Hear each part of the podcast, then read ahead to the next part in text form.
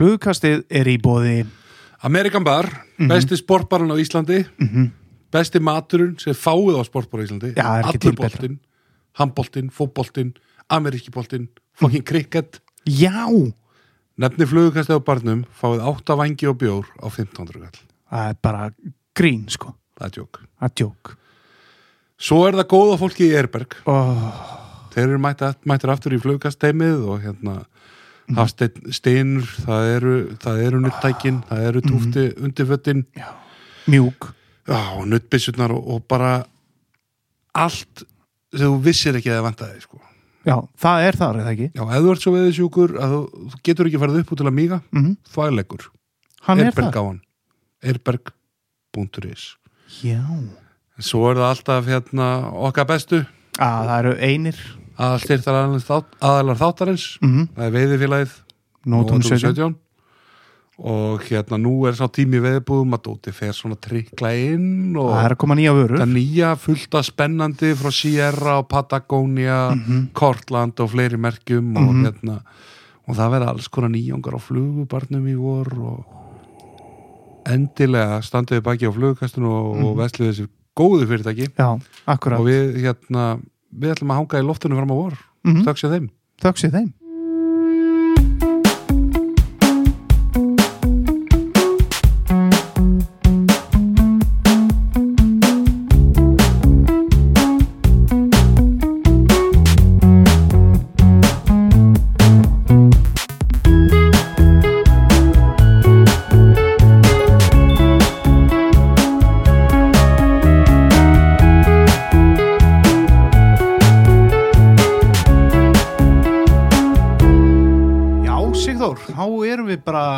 bara mættir aftur.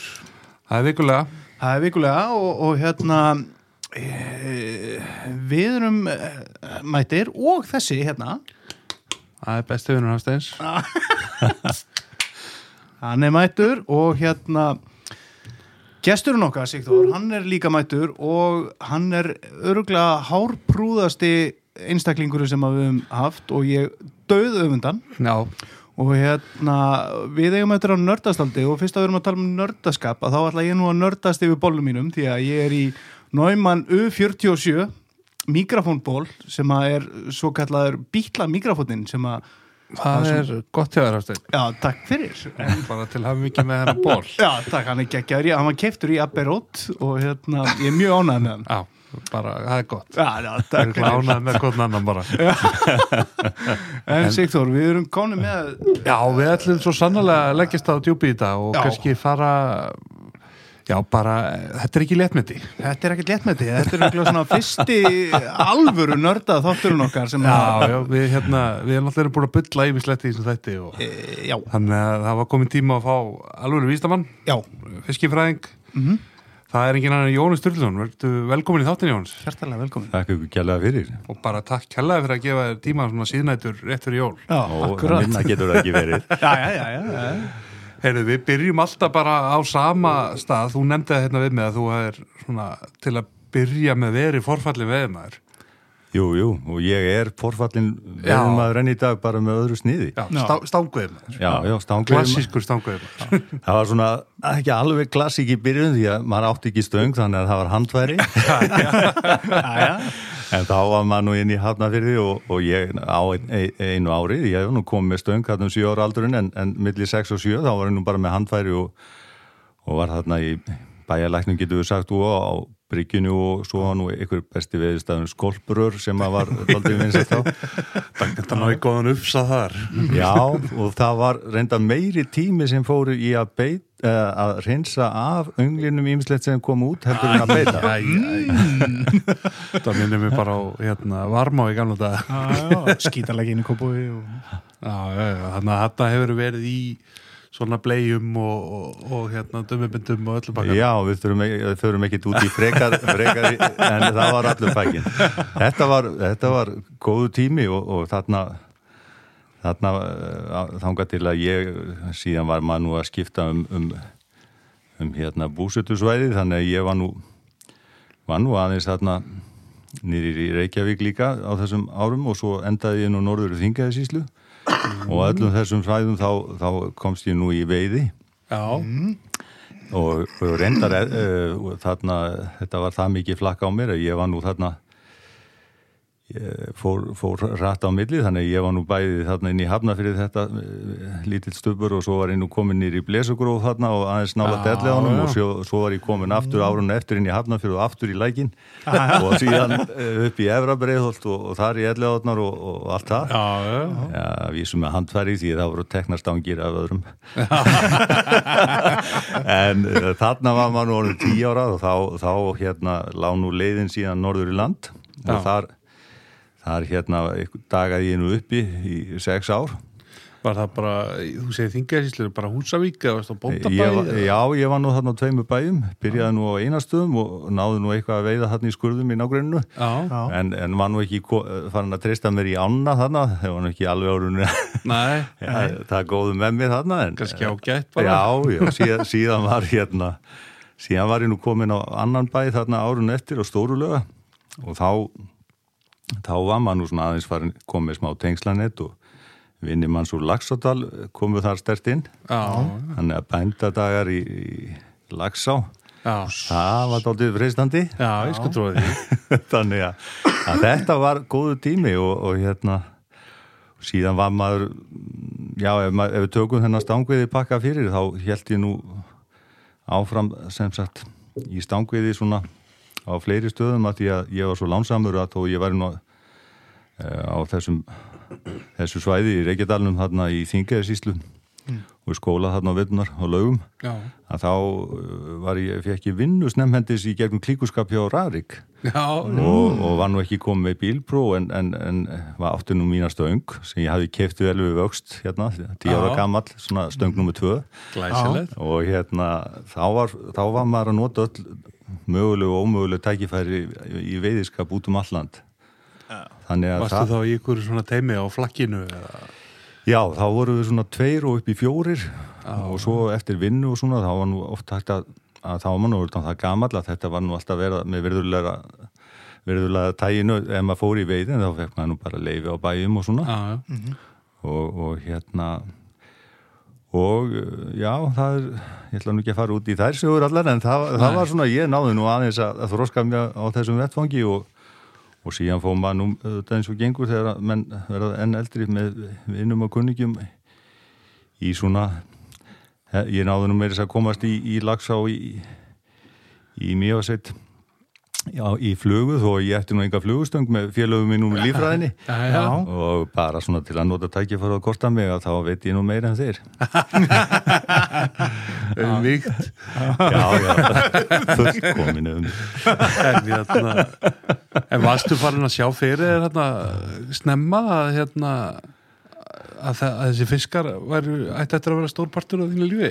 já, ég var nú ég var nú ekki nægilega skinsamur samt þá frekar en nú að, að ég sæði þetta alveg fyrir mér ljóslifandi en Já, ég vissi að það var eitthvað tengt fiskum. Það var alveg klárt því að allt sem ég valdi mig strax í mentaskóla svona ef ég fengið að velja mér eitthvað sértækt þá var það eitthvað tengt þessu.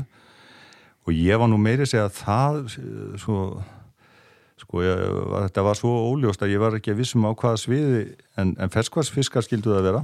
Já, svona það var sem mest í áhugin lág en ég reyndar uh, já, sí, síðan bara æxlast það þannig að ég fæ þarna vinnu í hlutastarfi á veiðmálastofnum þegar ég er í lífræðin á mig já, og uh, og það verður til þess að maður fer þessa leið og, og, og það er auðvitað að fær maður sitt sína þjálfun og allt það og, og það er síðan líkur leiðin í samstarfi elnenda aðal og hitt og þetta sem að eh, já, í hvert, hvert einasta skref sem maður tekið á þessum vettvangi þá auðvitað nær maður að þróska sig eitthvað en maður nennir að hafa uh, helst bæði eiru og augu opinn já, og þannig að þegar maður er farin að tóast við aldurinn eins og nú er þá auðvitað býr maður einhverju reynslu.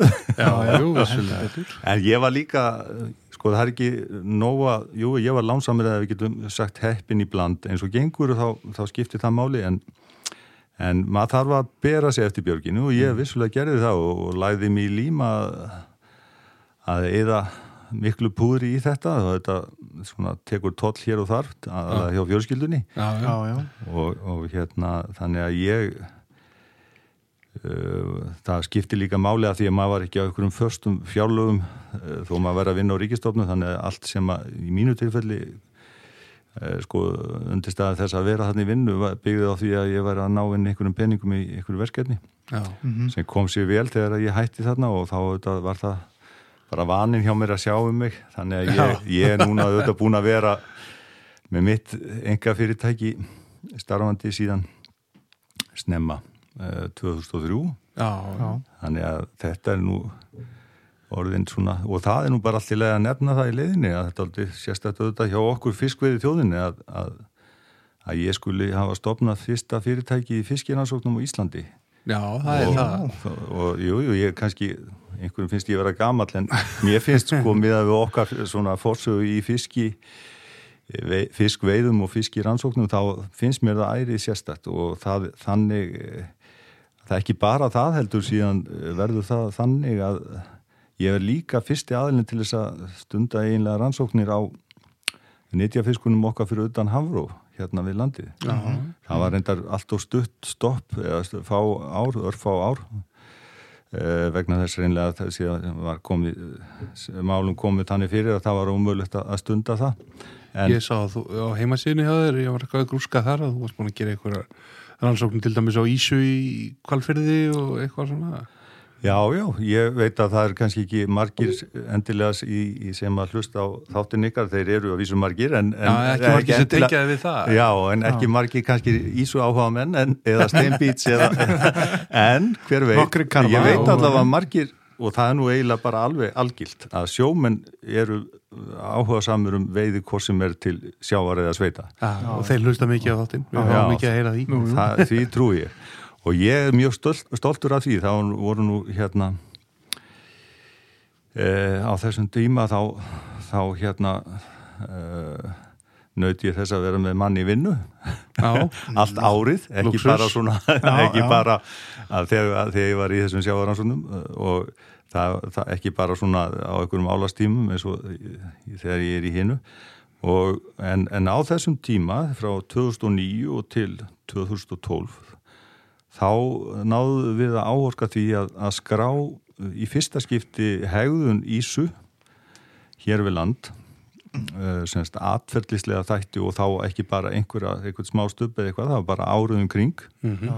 uh, með hlýðsjónal með þess að landfræðilegar stafsetningar og annað, við vorum með kvalfjörðun undir og sama fyrir steinbít og hvað skildi hafa komið út úr þessu? Það er þetta, svo við förum ekki eða og miklum tíma í ísuna steinbítin en ég bara gaman að geta sagt frá því að það kom í ljós að þessi fiskar sem fara utar á landgrunni út, í, út á landgrunnsbún til þess að hrigna sömntöfullum að þeir komu ekki bara eitthvað inn á landgrunni tilbaka til að eh, fara að geta aftur og allt það og byrja að ringin á ný heldur þeir komu aftur á sama staðin þeir komu semst aftur inn í sama fjörðin og jável eins og steinbindur í síndi hvað sterkast komu bara aftur á sama blettin. Bara undir sama Já, steinu bara fer, fermetin Já, og það, það við, við, þek, við þekkjum þetta svo vel úr, okkur finnst sjálfsagt stanguðumönnum og, og öðrum sem að þekkja lagsfiskana að við þekkjum þessar sögur um fiskana sem koma í átnar he, sínar heima og til að hrigna og við þekkjum þessar sögur sem að höfum verið að bjástra í þessum rannsóknum að það, þeir koma aftur og aftur og allt það og, og á sama staðin Já, en, en þarna það, og það hafa menn svona leitt líkum að eðla í, í sjáfiskunum fyrir sjáfiskana líka eins og þó sko annað að það menn hafa með merkingum þeir hafa mert fisk á einhverjum hrigningarstað og hann hefur veist þar aftur. En varðandi staðin þar sem þeir eru að geta þá þarf hína taknina eins og ég var að tala um þar sem að maður er með rafmyndamerki, skráningastöðvar og þá sést bara að, að fiskurinn sem er tekinn þegar hann er að geta á einhverju svæði síðan að burt og hrigna, kemur aftur. Þá erum við komið, í hinnu tilfellinu þá erum við tala, tala um svona það, það sem við kvöldum bara hrigningarstaði sem að mætti kalla hrigningar heimahaga heima ána segjum við í, í, hjá, sem eru en þarna erum við að tala um ætis heimahaga já, og þetta er daldið magna og þetta skiptir máli og bara tvær þrjá setningar áður um við skiptum bara- um gýr það sem Já. þarf sko, þetta er mjög að, það er það að við erum með kótakerfi og ég, fyrsta sem ég gerði þetta var að, að kynna þetta fyrir þeim sem að gætu nota þetta öðrum fremur, það er sem Havaró og það, þeir eru þetta mjög áhuga samir og, og það var ekki afvískafið, það var mjög skemmtilegu viðbröð við þessu, þetta var svona heildstætt kynnt á fundi með þeim 2012 og síðan árunnu setna á, á alltjóða uh, fundi Havarósunar ásins mm -hmm. að það sem kemur út úr þessu er sem sagt að þessir ætishagar eru heimahagar eru staðfestir og það þýðir það að við þurfum að fara að huga því að breyta kerfinu, kótakerfinu að svæða skipta því. Já. Því að þó að fiskar séu, bóttfiskarnir okkar sem að, eh, við veiðum á landgrunnu, mm -hmm. þó að þeir eh, séu veitir á landgrunnu og þá er kvótin bara, þú veiði þá bara einhver staðar. Mm -hmm. Já, og ef við tökum þetta sem dæmi, ef að, ef að, ef að við vitum þetta og þetta er, þetta er segin saga alltaf þegar maður hefur byrjað með, með merki sem sína eitthvað meira smáadriðin í atvelli fiskana að þegar maður byrja þá fæ maður eitthvað svona meginadrið og það skal alltaf vera þannig að það mun stendur áfram það sem maður sér fyrir heldina mm. ekki það að það þyrti að, að, þyrti að fara og skoða kannski segjum ísósteinbít á einhverjum öðrum svæðið landsins eh, allar líku til þess að það sami komi upp úr kafinu, mm -hmm. það séu ætis að heima hagar og það týðir einfallega þetta. Það þarf ef á að nota kótakerfið vitulega og þetta eru tvær fyrstöðundur sem er á topp tíu listanum yfir nýtjafiskan okkar Já. í, í aflaverðmötum og slíku. Þá þarf að setja kótan á svæði því að Eh, eins og við vitum þá er mikla breytinga núni í senni tíð mm -hmm. í mhm. Og bara á þessum árum sem að maður hefur fylst með þá hefur þetta breyst hann að megnið af Ísunni til dæmis sem var hérna fyrir Sunnanlands, nú er þetta komið norðu fyrir land. Mm. Og það sem gerist er það að þú þarfst að taka tillit til þessa. Þú getur verið að uh, þegar bara eitt kótu skiptir ekkert sett á svæði mm. þá getur þú verið að ofvið á einu svæði Já. og svo vann nýtt öðru. Já, ef við klárum þetta með að taka dæmi úr lagsinum ef þetta væri svona þar að þetta væri kótakerfi ef, ef kótakerfin er svo að uh, miða við að vita um ætis heimahaga hjá þessum tveimur tegundum mm -hmm. að þetta væri stundaði og lagsinum með sama hætti að setja kóta þá væri þetta þannig að við myndum með að veiða ákveðin magnalagsi síðan væri að því að við erum alltaf í bústanum en ömmuð erum að veiða og bílinans afa hann eðir svo miklu og stangirnar hans og allt þarna er bara í bústanum og þú veist, bara borgar sig ekki að vera að fara neitt langt maður mm. bara mhm. veiðir þetta þarna næst því að annars er þetta svo dýr útgerð þá myndir þetta vera þannig að við myndum bara veiða kótan í tveimu þreymum ám, þurkaður upp. Það er svona yktasta dæmið á hvernig þetta er í rauninni á hínum og það mætti þá kannski lýsa sér mitt svona að þú veist hver fjörður sé bara eins og einn á eða eitthvað svolítið sko. já, sem, sem stopna eitthvað litið að, og allt það sko. það maður myndi halda það en, en auðvitað kótasetningin byrjaði að þreyfa sig áfram með mikið stærri sveði, ég veit ekki hvað þetta segja. Allavega einhverja eitt, tvo fló eða, eða stærri mm -hmm. svæði og við getum satt landsfjörnungar til að byrja með svona til viðmöðunar já en menn þurfa að byrja því að þetta tekum mörg ára að strömninu laga svona hluti. En þarna, þetta þurft að gerast. En það hefur í rauninni bara það sem ég ætlaði að segja sko, upplýsingarnar eru komnar það eru sláandi og, og, og, mm -hmm. og það hefur ekkert verið gert með þar Nei. og þetta, þetta er þetta er dálítið stórt aðrið og þetta bara liggur í þagnar gildi einhverju. Og það er eins og í í fiskaldinu eða öðru, það eru sterk, sterkir lobbyismar svona hinum einn líka mm -hmm. sem að vilja kannski ekki já, það er að flækja kerfið eða eitthvað Já, þeir eru sannlega eins og við vitum eru til sterkari lobbyistar heldur en þeir sem er í sjáur útveginum Nei, ekki á Ísland Ég ætlaði, ég ætlaði einmitt að nefna það. Þannig að við skulum ekki Þetta er okkar síkartu framlega Þannig að stundum ef mann eru bara með, með hlutina eins og, eins og þeim finnst þægilegast að hafa þá okkur ættu við rendilega að vera stingu upp á því að breyta því? L.I.U. er það svona íslenska hérna, National Rifle Association? Nefn að þeir eru nýbúin að skipta af því að það var eitthvað orðið svo uh, gildislaði gætnan svona þó þótti nú ekkit endilega mest að stemmingin þegar menn sögðu þess að þrjá stafi þannig Já, já, já, það er komið samband fyrirtæki í sjáur Já, hljóma það ekki eitthvað betur? Jú, það hljóma mikið Gera, gera nákvæmlega saman skandal sem skandalina, hlusta, hlusta á fræðimenn bara þegar þeim hendar sko. En, en þetta er svona, það er allavega auðvitað vill maður öllum gangi vel en, en, en menn verða að líta til uh, raka. Já, við lögum á upplýsingaöld og, hérna, og það er nú eins og við, við fengum þig hinga Jónas, að mm. það er eins og við pælum nú margt í flugum eða taumum eða stöngum og einhverju og þessum fiskum sem við elskum að eldast við mm. þá er nú einhverju endalusir lindadómar hana sem við bara vitum einfallega ekkert um Nei, það er sama hérna, ég er þetta bara að lifi og, og þrýst á þessum lindadómum því að sem betur fyrir, fyrir okkur alla þá, ah. þá er, verða þeir alltaf þarna uh,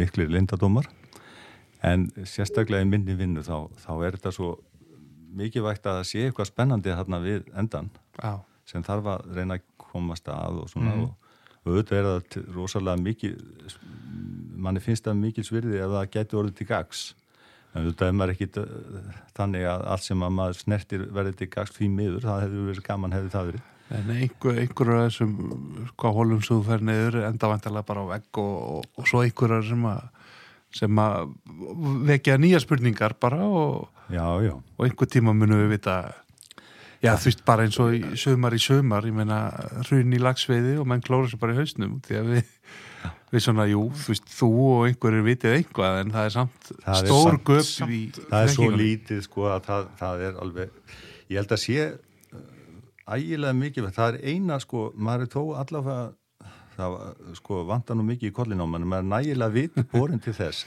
að muna það. Og það, meðan maður mann eitt atriði sem, að, sem er bara hreinlega það að maður veit svo lítið Já. þá er maður nokkuð góðu því um leiðum maður fer að því að maður sé ykkur hún að vera að vafra eitthvað á ykkur svæði sko eins og mínu sérsviði í ykkur tíma þá sé maður orðin sko viti meira um en allt, það er bara ekki þannig og mm. verður ekki þannig. Nei ekki Nei. bara því að það séu uh, eitthvað sem, júvisulega þetta uh, læri inn og hitta þetta sem var ekki tekt áður en svo eru hlutinni líka að breytast og flegi ferð en ég reyndar, eins og ég segi ég, ég var kominn á ágættist tíma uh, þessi uh, síðasta öld og þessi öld þetta er svona öld tæk, aldir tækifærana með, með sko uh, sem sagt ofanverð síðasta öld, við skulum segja, ekki ja. síst og, og þessi -hmm. núna öndverða að það er svo mikið að tæknu annað sem hjálpar manni. Og þetta hefur verið ævintri líkast og bara þegar maður byrjaði, sko ég var nú að uh, til dæmis uh, í, í uh, tengslum við þegar ég byrja á viðmúlstofnu þá ægslast að þannig að, að náðungi Vikfús Jóhansson að nafni sem að heitin sem að sem að ég var að vinna með mikið þar til að byrja með, hann hafði mikið náhuga á, á sjáavistraða lagsins og annað og það einhvern veginn heppilegt nokk eh, gafst með tækifæri á að feta þá slóð að skoða lagsin í sjónu því það var alveg óplæður akkur Já. og það var bara hreinlega þannig að þegar ég fer að skoða lagsin fyrir utan fjörumörkin þá er það í fyrsta skipti sem eru beina rannsóknir á lagsi fyrir utan fjöruna hérna hérlendis það er nú ekki danna sko. og, og þá er maður að skoða með, með regnetum í samstarfi við eh, Konráð Þórisson að Havró eh, sem er fallin frá og, og á, á nótuðum tveggjabáta flóttról og svo komu önnur tról setna og alls konar hluti. En á þessum tíma þá gerist það líka að við fáum rafmyndafiskmerki Já, fyrstu merkin byrja að koma. Fyrst, Já, já og, og það sem að var uh, mikið vekt fyrir mig og mína rannsóknir var það að ákvörð á þeim tíma þá dúkaði hérna upp námið sem að fóra framlega það sem við köllum mælimerki mm. uh, sem að hjá stjórnóta og ég og, og nefndu Konrad við settum okkur í samband við hann. Við getum nú hjálpa honum eitthvað þegar hann færi að, að stúsa. Þá var hann bara með þetta í huga að fara að gera þessi merki. Ah. og það samstarf var mjög farsælt og, og eh, hefur verið alltaf gottu síðan. En þá var svona eins og gengur fyrst var nú ekki alltaf gangu upp og, og allt þetta. en ég hafði til dæmis haft það hobby að þegar ég var í rannsóknum á, á lagsi að þá var ég inn á milli í þessum habitarannsóknum sem voru tóltið eh, fyrirferðað miklar í lók nýjunda áratöksins og upp að þess tíunda Rönnsjörurinn og Gollaferðurinn og allt þetta. Já. Og þá, þá samt ég hérna við gallana sem að voru í fórsværi fyrir, fyrir hérna uh, þessar stöðvar og svona að, að, að fá afnót hérna af bílum og fiskum og svona. Og, og þetta var tekið í sjó og gaman í sérstaklega tækifæri. Maður, sagt, eftir vinnu þá tók maður að fiska mertið á útóstis með merkjum og skuttlaði með eitthvað til og tók tíman á því hvað þið væri lengi eitthvað 20 km að koma sér heim aftur Já Og þetta rugglar ekkert í kerfinu hjá þeim að fara upp í bíl og Já, þetta, þetta sko, auðvitað rugglar maður eitthvað og allt það, en, en laxinn er allavega e, síst rugglaður í rýmuna af þeim dýrum sem ég þekki. Já, mm. hann veit nákvæmlega hvert hann ætlar að fara. Já, það er af því að hann er með þetta sem við kallum rötun, það er að segja, sko, áttunur eitt, mm -hmm. að þú getur uh, kert á eitthvað átt, en svo ef þú ekki, hefur ekki rötun og ert fluttu til hliðar um eitthvað ákveðin kilómetrafjölda, þá kemur þú jafn mikið til hliðar á, á, á lokastanum. En þessi gaur að þeir reikn út mismuninn og skila sér beinustuleg heim. Og hérna, þannig að þegar ég fer í þessi rafndaðfismerki þá byrjaði við að nota þetta, vissi alveg hvað ég var með höndunum, bara fá strax niðurstöður, flytja mm -hmm. fiska og þetta og svo fóruð þetta út í alls konar aðra ræfingar en, en e, síðan fóðum maður að nota hljóðsendimerki og e, ég notaði reyndar útarsendimerki líka fyrstur hérna í, og, og e, Þá eru fiskarnir komnir í ána eða ekki og þú að fylgjast með þeim fram að regningu eða svolítið Já, var, þetta var nú litlu mæli hjá mér en þá sá maður til dæmis þetta sem að henn kalla hérna, já við kallum stundum afturgengna lagsa Já, það er já. að segja að þú sleppir þeim í veð og sleppa og þeir fara eitthvað niður og þá var maður hérna 90 eitthvað í viðdalsáni 97 líklega 8 þá tók maður lags og, og leðunum að jafna sig og setti svona merkja á hann og mm -hmm. svo var fekk ég nú lánaði eitthvað hérna stöð þarna frá Páli Herstens eitthvað sem hafi verið notað í reppanu til þess að sikta það út. Aha, og, og hérna og þetta var svo svona til þess að fá eitthvað meir út úr þess að sett ég nú mælimerki hinnum með sem mæli dýpi og hitta og svona. Og þegar upp var staði þetta var nú bara hobby mm -hmm. um, og ekki, ekki neitt svona eiginlega ranns eða styrkir að slíkta á bakvið. Að þá, þá komum við á daginn að þeir sem að rökluðust lengst niður kerfi þeir fóru allarleið út í hópið Já, já. það sýnir bara já, já, þeir eru gengni kannski langt við viðalsa og svo bara aftur út í hóp og, og sjö metra dýpi og allan bakkan en svo byrjuðu bara strax að tóma sér tilbaka en auðvitað er þetta veið og sleppa vitandi þetta, það er doldið þægilegt fyrir þá sem er að selja veiðilegum því að sumir fiskarnir ganga um ákveðin veiðis og það er enn svo oft. Já, já, já, já. Þannig að þetta var, þetta var svona smá einsýn í það en, Maður er mitt hugsað alltaf með lagsina hann sé alltaf að leiðinu upp. Hann snýr upp og Já, já, mm -hmm. en það eru þarna þeir, þeim, þeim er ekki dægilega vel við þessa, þessi yngripp þannig að þeir er svona þetta er eins og já, þeir sakka sér svona niður og koma svo aftur aftur gengnir Já, Hafsteinu mitt veitti heldur fallega sjóbyrtingi hérna varma á hverjargerði í haust. 85 cm sjóbyrting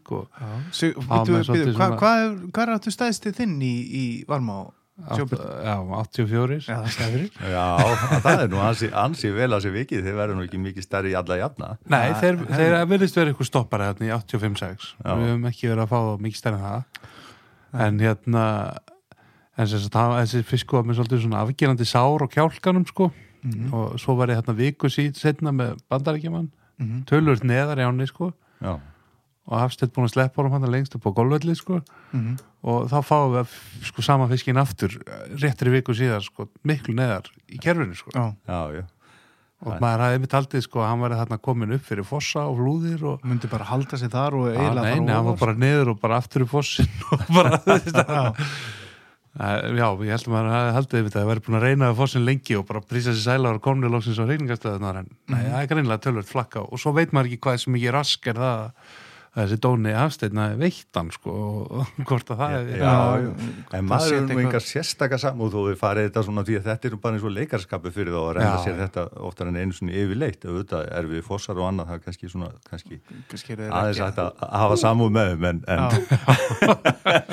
en þetta, er, þetta er nú þannig að þegar maður er að fylgjast með þeim þá, þá þú veist, auðvitað geta þessi fiska farið endalust rætt og allt það svona þegar sá, sá viljið fyrir hendi mm -hmm. en þeir bara eins og önnur dýr, þeir geima alla þá orku sem þeir mögulega geta geimt ef, ef að nefnum sko, neyðin reykið á í annað mm. þannig að til dæmis í sjó og annað, maður mað var alltaf sko trommandi í borði og það, maður langaði þetta alltaf í einhverja meðtölur til dæmis í hrað og hitt og þetta. Mm -hmm. en það er bara, uh, sko það var ekkit, það var ekkit í bóði hjá þeim því að þetta auðvitað á að geima alla þessa orku á að geima fyrir hrygninguna Þeir eru bara slakir í, í sjónum bara. Já, þeir eru bara hvað lítrar á hundraði sko.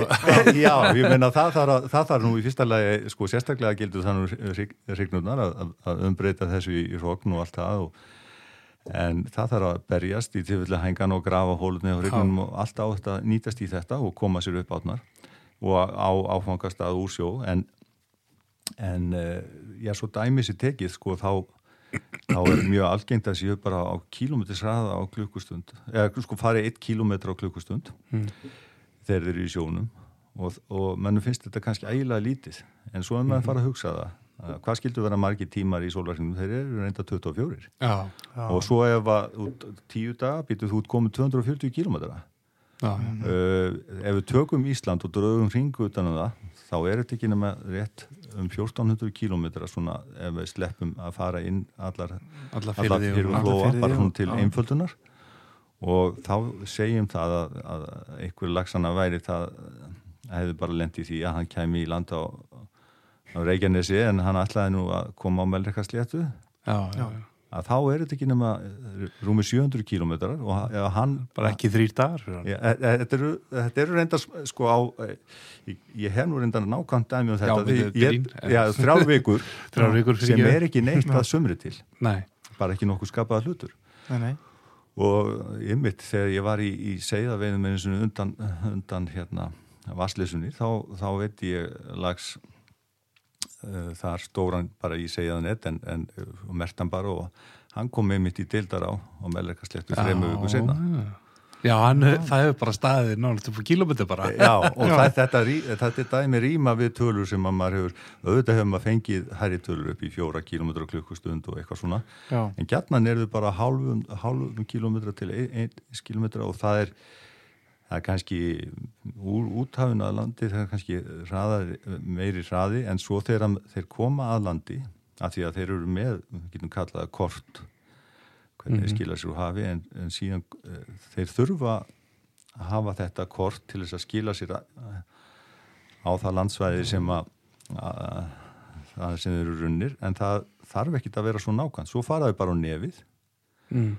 og fylgja ströndinni Já. og þá, þá er hérna eftirleikurinn auðvöldu því að þeir eru auðvitað með besta nefi í veröldunni til þess að fylgja og það er, það er einnig sem að segja þeim bara, það er bara nefið bara hérna er mín á. Já, það er ekki tilvíðun að þeir skrýða með ströndum, ef það ekki ef það breymar og svoleiðis en, en, en bara já, svo dæmi sér tekið að, að hérna þegar að, þegar að síðasta áður að síðasta löglega lagsanetti var tekið upp sem var nú hérna besti veðstæðurinn í Kvalfyrði innra hólm mm -hmm þá var veitt í 1,80 metra nett, það var reyndar á hafiður árunum, þá voru 5.000 lagsar á einu sumri. Já, og það var ekki bara eitthvað á næsta nákvæmni, það var líka á Norðurlandu og all, allt mögulegt. Já, mm -hmm. Og það er bara, segir aðeins, gefur aðeins einsýn í þetta sem ég er að segja. Þegar maður sá þetta líka auðvitað þegar maður er með alls konar merkja á þeim, en þetta er Þetta er nú það sem þeir gera, þeir, þeir eru að nota þetta allt í senn, en, en nefið er orðið svona mikilvægt þegar þeir eru komnir upp á strandsæfið. Þetta er Já, náttúrulega alveg ótrúlegt og svo geta þeir, ég maður sér í sömum ám að það er, þú veist, veiðin er neðalega vel framann af sko og svo eru aðrar ár þar sem að veiðin byrjar efst, eða þú tekur til dæmis bara kjarra á eða, eða stórulags á. Mátt, þú veist, og maður að veiða kannski... Stórulags á bara fyrstu tvei-þrý dagar, það er bara efst Já, Nei, bara, eins og ég hef nú ekki veit mikið í stólulagsá en, en eins og bara maður verið mikið við kjarra og þú veist þannig að lengst upp á líka við komin upp á tvítæru og kannski fá lúsuðan fisk sem er þá búið að ganga upp kvíta og gegnum þeirra og allarlega þarna uppi til þetta eru 10 kílometra á tveimur dögum eða eitthvað. Þetta er nefnilega bísna forvöldnilegt og ég er nú ekki svona uh, kannski góða einsýn í þetta en maður mann samt eftir dæmum eins og til dæmis ég þetta sá að mm -hmm. fytjáfiskurinn samkvæmt heimamönnum var komið svona snemma og það er einmitt, ég held að sé þessi tilning að í efri kerfunum þeir eru dálítið snemgefni í kjarnan mm -hmm. og þetta er, það er svo margt hægt að skoða í þessu og auðvitað líka hvaðan er við erum að tala um að hann sé mörgum nákvæmar í sambandi við að finna heimilisitt lagsins sem, sem er sannlega rétt mm -hmm. en hann er sko þetta er ekki bara áinn síðan þegar maður var að merkja í rángáðnar og engum eistir rángá þá er þetta að vera að sleppa þessu fjölmökun tjótnum já, já. og mikil nákvæmni í þessu og það sem maður kemur á daginn að hann, hann er bara að fara þess vegna eru þeir að stýra fiskunum með tjótnunum upp. Mm -hmm. hann er að fara ekki bara í heimána hann er að fara bara heim til sín í áni já, þannig að þetta er, þetta er mikil, mikil næmni það verður að segja maður, maður hefur í rauninni ekki hugmyndaflug til þess að uh, setja sig sko, inn í það hva, hvað þetta er, sko, þetta er svo margkvælt á við það sem við þekkjum hvað, hvað, er, hvað er skinnja með, með, í lykt. Ég sá einmitt í hérna á síð þekkjarins til í að þú varst að rannsaka segðaransóknir í Haugadalsá í Dölum. Jú, jú. Og, og það er eins og það er eins og annar staðar oft svona sérstætt að það er veiðifélag um, um hluta af kerfinu skilur þannig að eins og þú tókst fram í neðustöðunum að það er kannski erfitt að draga heilræna mynd af þessu þegar, þegar ekki allt er undir en maður hefur séð eins og með þverá sem rennur hérna úti sem er vastlítil á en oft í opnum 20. júni þá er hún fulla fiski ah. og fiskurinn sem er í blóta hann að veðstæðanum myndir gömlebrúnu fyrir neðan það er svona fiskur sem hefur á sér annar lag í þver og mikið af fossum og flúðum og lítið vatn, hann er langur mm. og mjór Akkurat. að meina haugadalsafiskur hún er fosslaus upp í vatn hann er þykkur og stuttur Já. og maður, ég myndi svona maður veltiði fyrir sér að þarna væri bara komið náttúruval fyrir því að, að fiskurinn mm. bæði fyrir læginu Já. og að hann gangi snemma á meðan það er vatn í Alveg anni. klálega, þetta er, mm. þetta er, þetta er sköpulagi til dæmi sem þú nefnir, það er nákvæmlega munurinn á fyti og vít á stofninum þannig að þetta, þetta náttúrann sér um þetta það er alveg, alveg ljóst og þetta mm. alltaf er aftur að teikja svo inn í já þessi, ég veit ekki hvað sem djúft var varan í það en það er að tengja þetta svo aftur inn í þess að umræðu um erðablöndur við aðra stopna og erlendastopna og allt það Hæf, hæfni lagsins til að lifa af já. á þessum stöðum bara mjög mikið vekt að koma inn á það eh, því að ég meðan þessu svona óhaglega eða svo, með þessu svona illa fyrir komið eins og er í dag þá vil ég nú gætna uh, nota hvert tækifæri til þess að, að, að minnast á það hver, hver slæmt þetta er með með uh, þessi eldismál hjá okkur í dag og, og auðvitað að því að það er ekki endalust eftir að ræða það en það sem er það sorglegasti í þessu er það að, að litlu átnar og það kannski mannum getur sumpart fundist eðlert en, en uh, þær hafa auðvitað ekki sama vægi þessar sem er ekki nýtjað með hefðbundum hætti. Þetta mm. er svona ákveðinir hagsmunir eðla og, og Þessar ár sem er ekki standundi veiðilega sölu og 90 daga veiði en e- eiga sína stopnað enga síður. Já og sérstaklega þessar sem eru næst uh, þessu vandamálum sem eru kvíja eldi í sjó á lagsi mm -hmm. eða lagseldi í kvíum í sjó eins og í fyrir vestan þar sem ég hefur verið að skoða í Arnafjörðunum mm -hmm.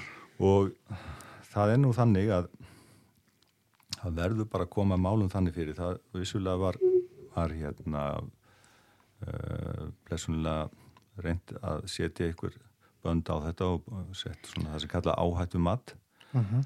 en það nær bara ekki utan yfir þetta og -huh. það er eh, meðan það er ekki þá er, er þetta ekki nógu gott því að þarna eru við með ef allt er tínt til, fá hana tíu stofna sem eru bara utan ja. kvota eins og mm -hmm. þau séu ekki til sumi mm -hmm. vilji meina að það þurfa að vera ákveðnir margi fiskar til að menn fara að nennast bá í það er það okkar Já, að ákveða Já, er, er, er það okkar að ákveða hvað skal lifa á degja, ég segi nei Já. og það er auðvitað sérstaklega mikil ábyrð okkar sem erum úr þeirra náttúrufræðingar sem að koma að þessum málum í störfum sínum mm -hmm. að bara sjá til þess að ef maður kemur nála þessu og það auðvitað á gildir fyrst og fremst um hafróða því að þeir hafa þetta formlega á sinni könnu að sjá til þess að koma þessum stofnum inn í, í sko ef við erum að tala um áhættum þá skildur þessi stofnar að vera þar inni og við reyndar öðrum fremur því að þeir eru mm -hmm. næstir þessar áhættu og sjóbyrtingstofnar og ein, sérstaklega þarna næst líka í hættu út af öðrum málum sem er lagsalúsin en við vorum Já. að tala um erðablöndun og svona stofnaði einleika á hann mm -hmm. getum ekki tekið á þessu öllu en það, það er, þetta, er doldið tvískínungur því að þetta er ekki tekið inn í áhættumatið mm -hmm. en á sama tíma er verið að rannsaka þessa stofna af Havró sérstaklega Já. og það er verið að taka jáfnvel svil í fristingu En býtu til hvers er þetta eiginlega ef að það er ekki, menn sjá ekki ástættur að taka þetta inn í áhættu? og það sem að eldisaðaletnum munum segja þeir segja býtu þið sá ekki ástættur að taka þetta inn í áhættu þegar það búið verður að rústa þessu stónum mm -hmm. þá segja þeir fyrirgefið býtu hefði ekki verið þá eðlert að taka þetta inn í áhættu mati það fari sko og... sem er ákveðt spútur Já, ég segi sko ég, þetta, er, þetta er með góðum hug meint. Ég, ég er búin að vera að klefa á þessu eh, í, í sko erindum bæði semst fyrst og fremst til eh, alþingismanna þegar var að vera að taka þetta fyrir og, og, og, og tengt þessu á ofnbjörnum vettfangi ránundir sinns áður og annað. Því að eh, þetta verður að gerast og við getum ekki látið eins og ekkert séu og þetta séu svo litli stopnar eða hvað þetta séu að þetta skiptingum áli það er bara ekkit okkar hlutverk. Við erum hérna eigum að venda lífriki og við erum sko lagalega þá er það skild okkar. Ég eh, gerði miklar aðtóðasendur og það komst nú ekkit í gegn nema það að, að mínum aðtóðasendur þá reyndar uh, settuður mann inn í ákvæmna rákjafanend þarna sem að frá umhverjusándunu sem að ég skildi nú ekki okkur var ekki settuð þar uppalega en það er reyndar mm engin engin aðili frá náttúruvendarsamtökum eða, eða slíku sem er í þeirri nend uh, þó, og var nú samt beðum áherna fulltrú eða eitthvað það, mm. menn, uh, menn tóku því ekki en, en það sem ég á við er þetta er langtíma baráta og við erum þekkjum svo slæmdæmi hérna allt í kringum okkur og það er ekkert að mm. loka augunum fyrir því og þetta væri eiginlega gott að þetta væri allt saman tipt upp og allt lekið þetta í lindi en mm. þannig er það ekki og við höfum öll tækifæri að stoppa þetta eðilegi uh, visskerfi hérna þar sem að lags og sílungur eiga í hlut. Mm -hmm. svo er þetta, ég er ekki að fara inn á það en það er auðvitað eins og kemur í ljós í, í nákvæmlega landunum að þá er þá er auðvitað líka hlutir að gerast í fjörðunu sem að varða þetta eldir sem er já, mjög neikvæðir. Já, já, já bara botdýr og annað. Já, já, rækja og, já, og fleira. Já, þetta er náttúrulega alveg þetta er, manni finnst þess að lemja hausnum við grótstundum að þetta í þess að umræðum að bara sirtir yfir manni. Það er náttúrulega eins og segir þessi, litlu stopnar sem eru kannski eru ekki nýtjaðir já, það er svo fáa einstaklinga til að eðilegja, er mikið þessa þessa stopna ekki og þeir eru, þeir eru bara með það sem að maður hefur tekið höndum á sko af eldisfiski eins og þarna í fíustadalsáni þar sem ég var að veiða og ítrekka þar mm. var það þá þegar orðið yfir hættumörkum og ég var að veiða fiskar sko sem ég gæti ekki einu svona séð að væri eldisfiskar. En þegar það búið að greina sínin þá voru þeir eldisfiskar. Það er svoleiðis. Já. Já. Og það er það sem er stoltir hrikalegt í þessu. Eru það fiskar þá... sem að sleppa litlir og fara á fæðuslóð og ganga eða Já, akkurat, þeir eru sko þetta er alltaf að verða betra og betra eldið á þessum fiskum í dag eða sem sagt segðum Þannig að þau eru jáfnvel alveg án ytri einkjana, ukkar og slíkt um að þekkir, þannig að ef þetta sleppur nægilega snemma á lífsleðinni, þá kemur þetta bara tilbaka eins og útlítandi eins og vennulegu lags. Já, þannig og þá fara nú rökin hjá þeim hann að fyrir vestarnu að það getur bara verið kafar í hiljónum og, og veit þess að lagsa út og alls konar svona bara grín sem maður er reynd sko. Jú, jú, það, það, ekki það geti sljákað aðeins í þessu en, en það dögur ekki til. En Það er náttúrulega bara svo fáróleg tilhaugun sko, hvernig mm. viltum dýrum. Já, já, þetta er, þetta er endur snúi við og sönnunabyrðin og allt, allt skal þetta vera sett á auðvan Já, já, já Það er einhvern veginn líka með okkur Íslandinga að það verður aldrei greipið inn í neitt fyrr en að það skeður eitthvað. Já, já, og það, það er Já, það er þó svo við höfum allt í kringum okkur veist, Skotland, Noreg og allt þetta Bandaríkin og allt, og... allt þetta. Lí, við lítum ekki á þetta og við eigum ekki eftir að líta á þetta og svo, svo þetta er komið hérna að þá á þetta bara eftir að stækka og stækka og stækka og þanga til að slísi skeður. ef þetta bara veldur ekki bara skada á fyrir hausin sko eins og, eins og, eins og getur bara vel verið líka sko það er alltaf að lefa sér, lefa sér að, ég kannu ekki við að segja að vona. en, en, en, en sko auðvitað vitt maður að allt gangi vel og svona en ef það skarast við grundvallar hagsmunni náttúrunar þá verða menn bara að taka sér taki. Og það er þannig mm. í dag með þetta Akkur. að ráðstöfunum á þessu er ekki í lagi.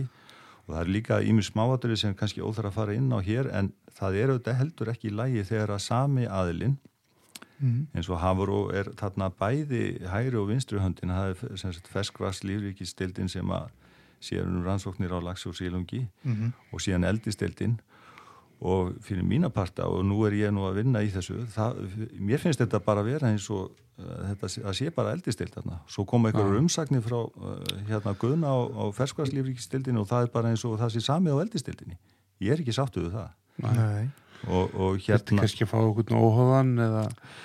Já, þetta er daldið sko þetta er bara, auðvitað hefur við oft uh, sætt okkur við á kannski bara út um neyð hérna á Íslandi að stundum þurfum við sami aðeins að sinna fleiru heldur en gott hætti annar stað mm -hmm. en nún eru komnið svo ríkir hagsmunir að þetta gengur ekki lengur. Þannig að hafur og ákvöðu burðamatt í förðunum það ákvöður í raunni hvað er mikið alið þarna mm -hmm. síðan ákveðaði nánast hvað þeir munu þurfa að rannsaka. Þeir rannsaka það. Ef að er, mönnum finnst eitthvað misjant um rannsóknunar hvort það þurfa að gera þetta hitt þá fara þeir í að meta það mm -hmm. og svo sjáum það líka. Og svo komaði með það skallaði hlutlust mat á eigin rannsóknir. Ja, e, þetta gengur ekki alveg upp í mínum huga. Þetta er ekki eins og bestar allavega. Nei, þetta bara gengur ekki Nei. það er óskup einfalt. Og svo finnst mér eitthvað skrítið þegar eins og þá auðvitað að vera rík tilkynningaskild og maður er að heyra það bara sko einhver staðar út í bæ að það sé að veiðast einhverjir eldifiskar í sömar í mjölk á. Akkur er þetta ekki mjög mm. formlega tilkynnt? Þetta er nú bara grundvallar atrið í þessu eftirliti. Mm -hmm. Ef það er að veiðast einhverjir eldislagsar þá það vera tilkynnt. Ah, það getur já, stórmál fyrir þá sem eru í nærlíkjandi ám og annað að geta bröðust við. Ah. Ég heyrði aldrei formlega tilkynningu um þetta. Hvar er þá þetta kerfi okkar? Já, það er náttúrulega þeir eiga, eiga að hafa eftirlit með sjálfu sér að miklu leiti þannig að er þetta ekki einhver eitt starfsmæður staðsettur hérna í Reykjavík og...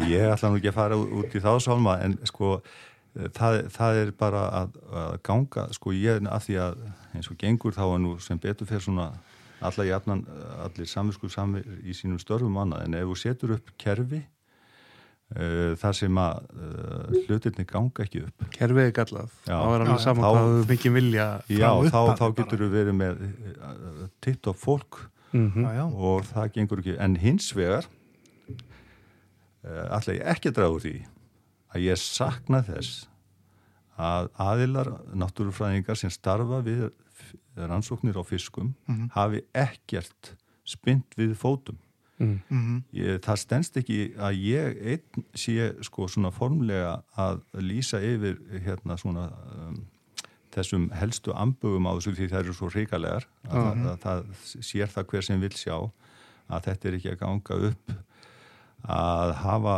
þessa hluti svona með að við þá stopna sem er í mestur hættu nú auðvitað eru við enda og ekki komnir á það stíg að að stóru áföllin hafi riðið yfir þetta er bara tímaspörsmál eins og við þekkjum í, í nákvæmlega löndunum mm -hmm. og þá munum fleiri stofnar og fjær dragast inn í þetta mm -hmm. en það ég saknaði svo innilega að, að heyr ekki frá mínum félögum og þetta er ekki, ég trúi því ekki að, ég veit að það er erfitt að fara oft og, standa upp einn og segja eitthvað. Mm. -hmm. en mann getur nú þá bara slegið sér saman í hópið eitthvað, það bara hefur ekki heyrst hóst eða stuna og valla Nei, það er bara ég, sko, Þú er alltaf búin að skrifa mikið að greinum sko? Já, ég, ég bara segi það eins og er það, sko, þetta er dátill ábyrða hluti því að menn segja í, í, þessum, geir, sko, í þessum ranni sem er í fiskaldinu býta, okkur er ekki meira af þessum mönnum að tjá sig og annað mm -hmm. og þetta er svona þetta er svona ákveðið svona ég veit ekki okkur það er en þetta er auðvitað einhvers konar hræðslu uh, vandamál mm -hmm. og því að ég veit að, að þessir menn skinja og, og þekkja alveg hvað er, hvaða vandamál er þarna í gangi mm -hmm. uh, kannski er það þarna menn konur á spennan Nei, sko, hvað maður að segja? Bara allt í lagi að segja það því að ég er sjálfstæðstarfandi og þarf ekki að hafa sömu áhyggjur og aðrir en þetta er ekki rúf, sko, við getum alveg bara að setja það sem við viljum segja. Já, en ég meina, ég meina hvað hva, hva veldur þessu til dæmis að, að, að eins og ég segi bara Havró frá mínu bæðutunum sé að þetta er eins og bara það sé eldisteitin á störfum, það er eins og hinn séu bara passífir mm, þetta já. gengur ekki upp. Og þetta eru það ríkir hagsmunir að, að aðilar verða svona að, að, að fylgja þessu eftir og eins og til sögur það við erum auðvitað um, megum oft, okkur oft lítils þegar, þegar, þegar í svona staðri málöfnum þegar manni finnst samt ekki ganga rétt að leið en hlutinni gerast ekki nema maður, menn haldi vöggusinni og, mm -hmm. og öllum svona umhverjismálum í veröldinni þessum stærstu sem við getum bara googlað alveg hvað það er, hvort að það er mengun eða annan, mm -hmm. þá hefur þetta oft tekið alveg óra tíma og það mm. merkilega við það er að stundum uh, hafa uh, einhverjir einstaklingar jáfnvel riðið baka munn já, já. og þetta hefur kannski tekið ekki bara ár heldur ára tíu, þetta er svo ótrúlega sögur oft þegar maður lítur tilbaka, ekki það að, að, að sko hérna eru þetta landsambandsveiðifélag stangveiðifélag og annað, þetta er alltaf leggjast á árar. Mm. en þetta, það er alltaf sagt því að við tekjur af lags, þeir eru bara að hugsa um ykkar þeir mm. bara er í klaftón og einhverju ríkikallar og eitthvað. Það náttúrulega, hefur meira vægi ef að fræðarsamfélagið hendur sér á bakveit Já, þetta, Já það skiptir, ég er ekki að sko allt skiptir þetta máli. En, en, en, mm. en þeir sem eru í rannsóknunum Já Það er nefnilega málið að það er verða að standa sína plikt. Stundum er þetta doldið erfitt. Ég get sagt ykkur það að, að þegar að menn eru að vinna á vinnustaf þar sem að þeir, það getur verið þannig stemming innabúðar og hjá ríkinu, það fer eftir hvernig uh, lokið er á, á tunnunni á hverjum stað að að, að þú getur verið að, að, að meta það byrju, er þetta þessi virði fyrir mig að fara að segja eitthvað? Rugga bátnum. Já, Já ég, ég, ég þarf að eiga fyrir hérna. salt í grötin. Krakkarnir eru organdi heima og, og, og, og nenn ekki að hérna Afborgunum kemur næstu mánu að móta að hérna, vera með, með, með foreldri sem að það er að skipta um vinnu á hverju ári. Nei. þannig að það er alls konar hluti sem geta komið inn í Heldur það að sé svona pressa innan ríkistofnana? Ég held að... að svona í að því? Já, ég er að segja að maður uh, hefur unnið á ríkistofnun mm -hmm. og maður hefur uh, haft yfirmann sem, að, var, uh, sem var þessi eðlis að maður vissi það að það var ekki hægt að segja hvað sem er. Já, Já ég segi Já. að það er hægt að það er hægt að það er hægt að við getum kallaða vangstífa heila stofnun bara með slæmustjórnanda eða slæmum stjórnandum aftur í síkarönduna sko ef, ef allar rannsóknir gangi út á það að sanna að reykingar valdi ekki krabminni sko.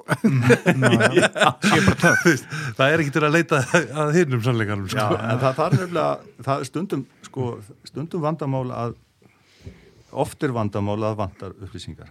Mm. en mér finnst orðið miklu alvarleira þegar upplýsingarna liggja fyrir og menn vil ekki kannast við það Það er ít undir, Já, segjum, seg, segjum sem dæmi hérna eh, áhættum að erðablöndunar sem við erum að fylgja hér. Mm -hmm.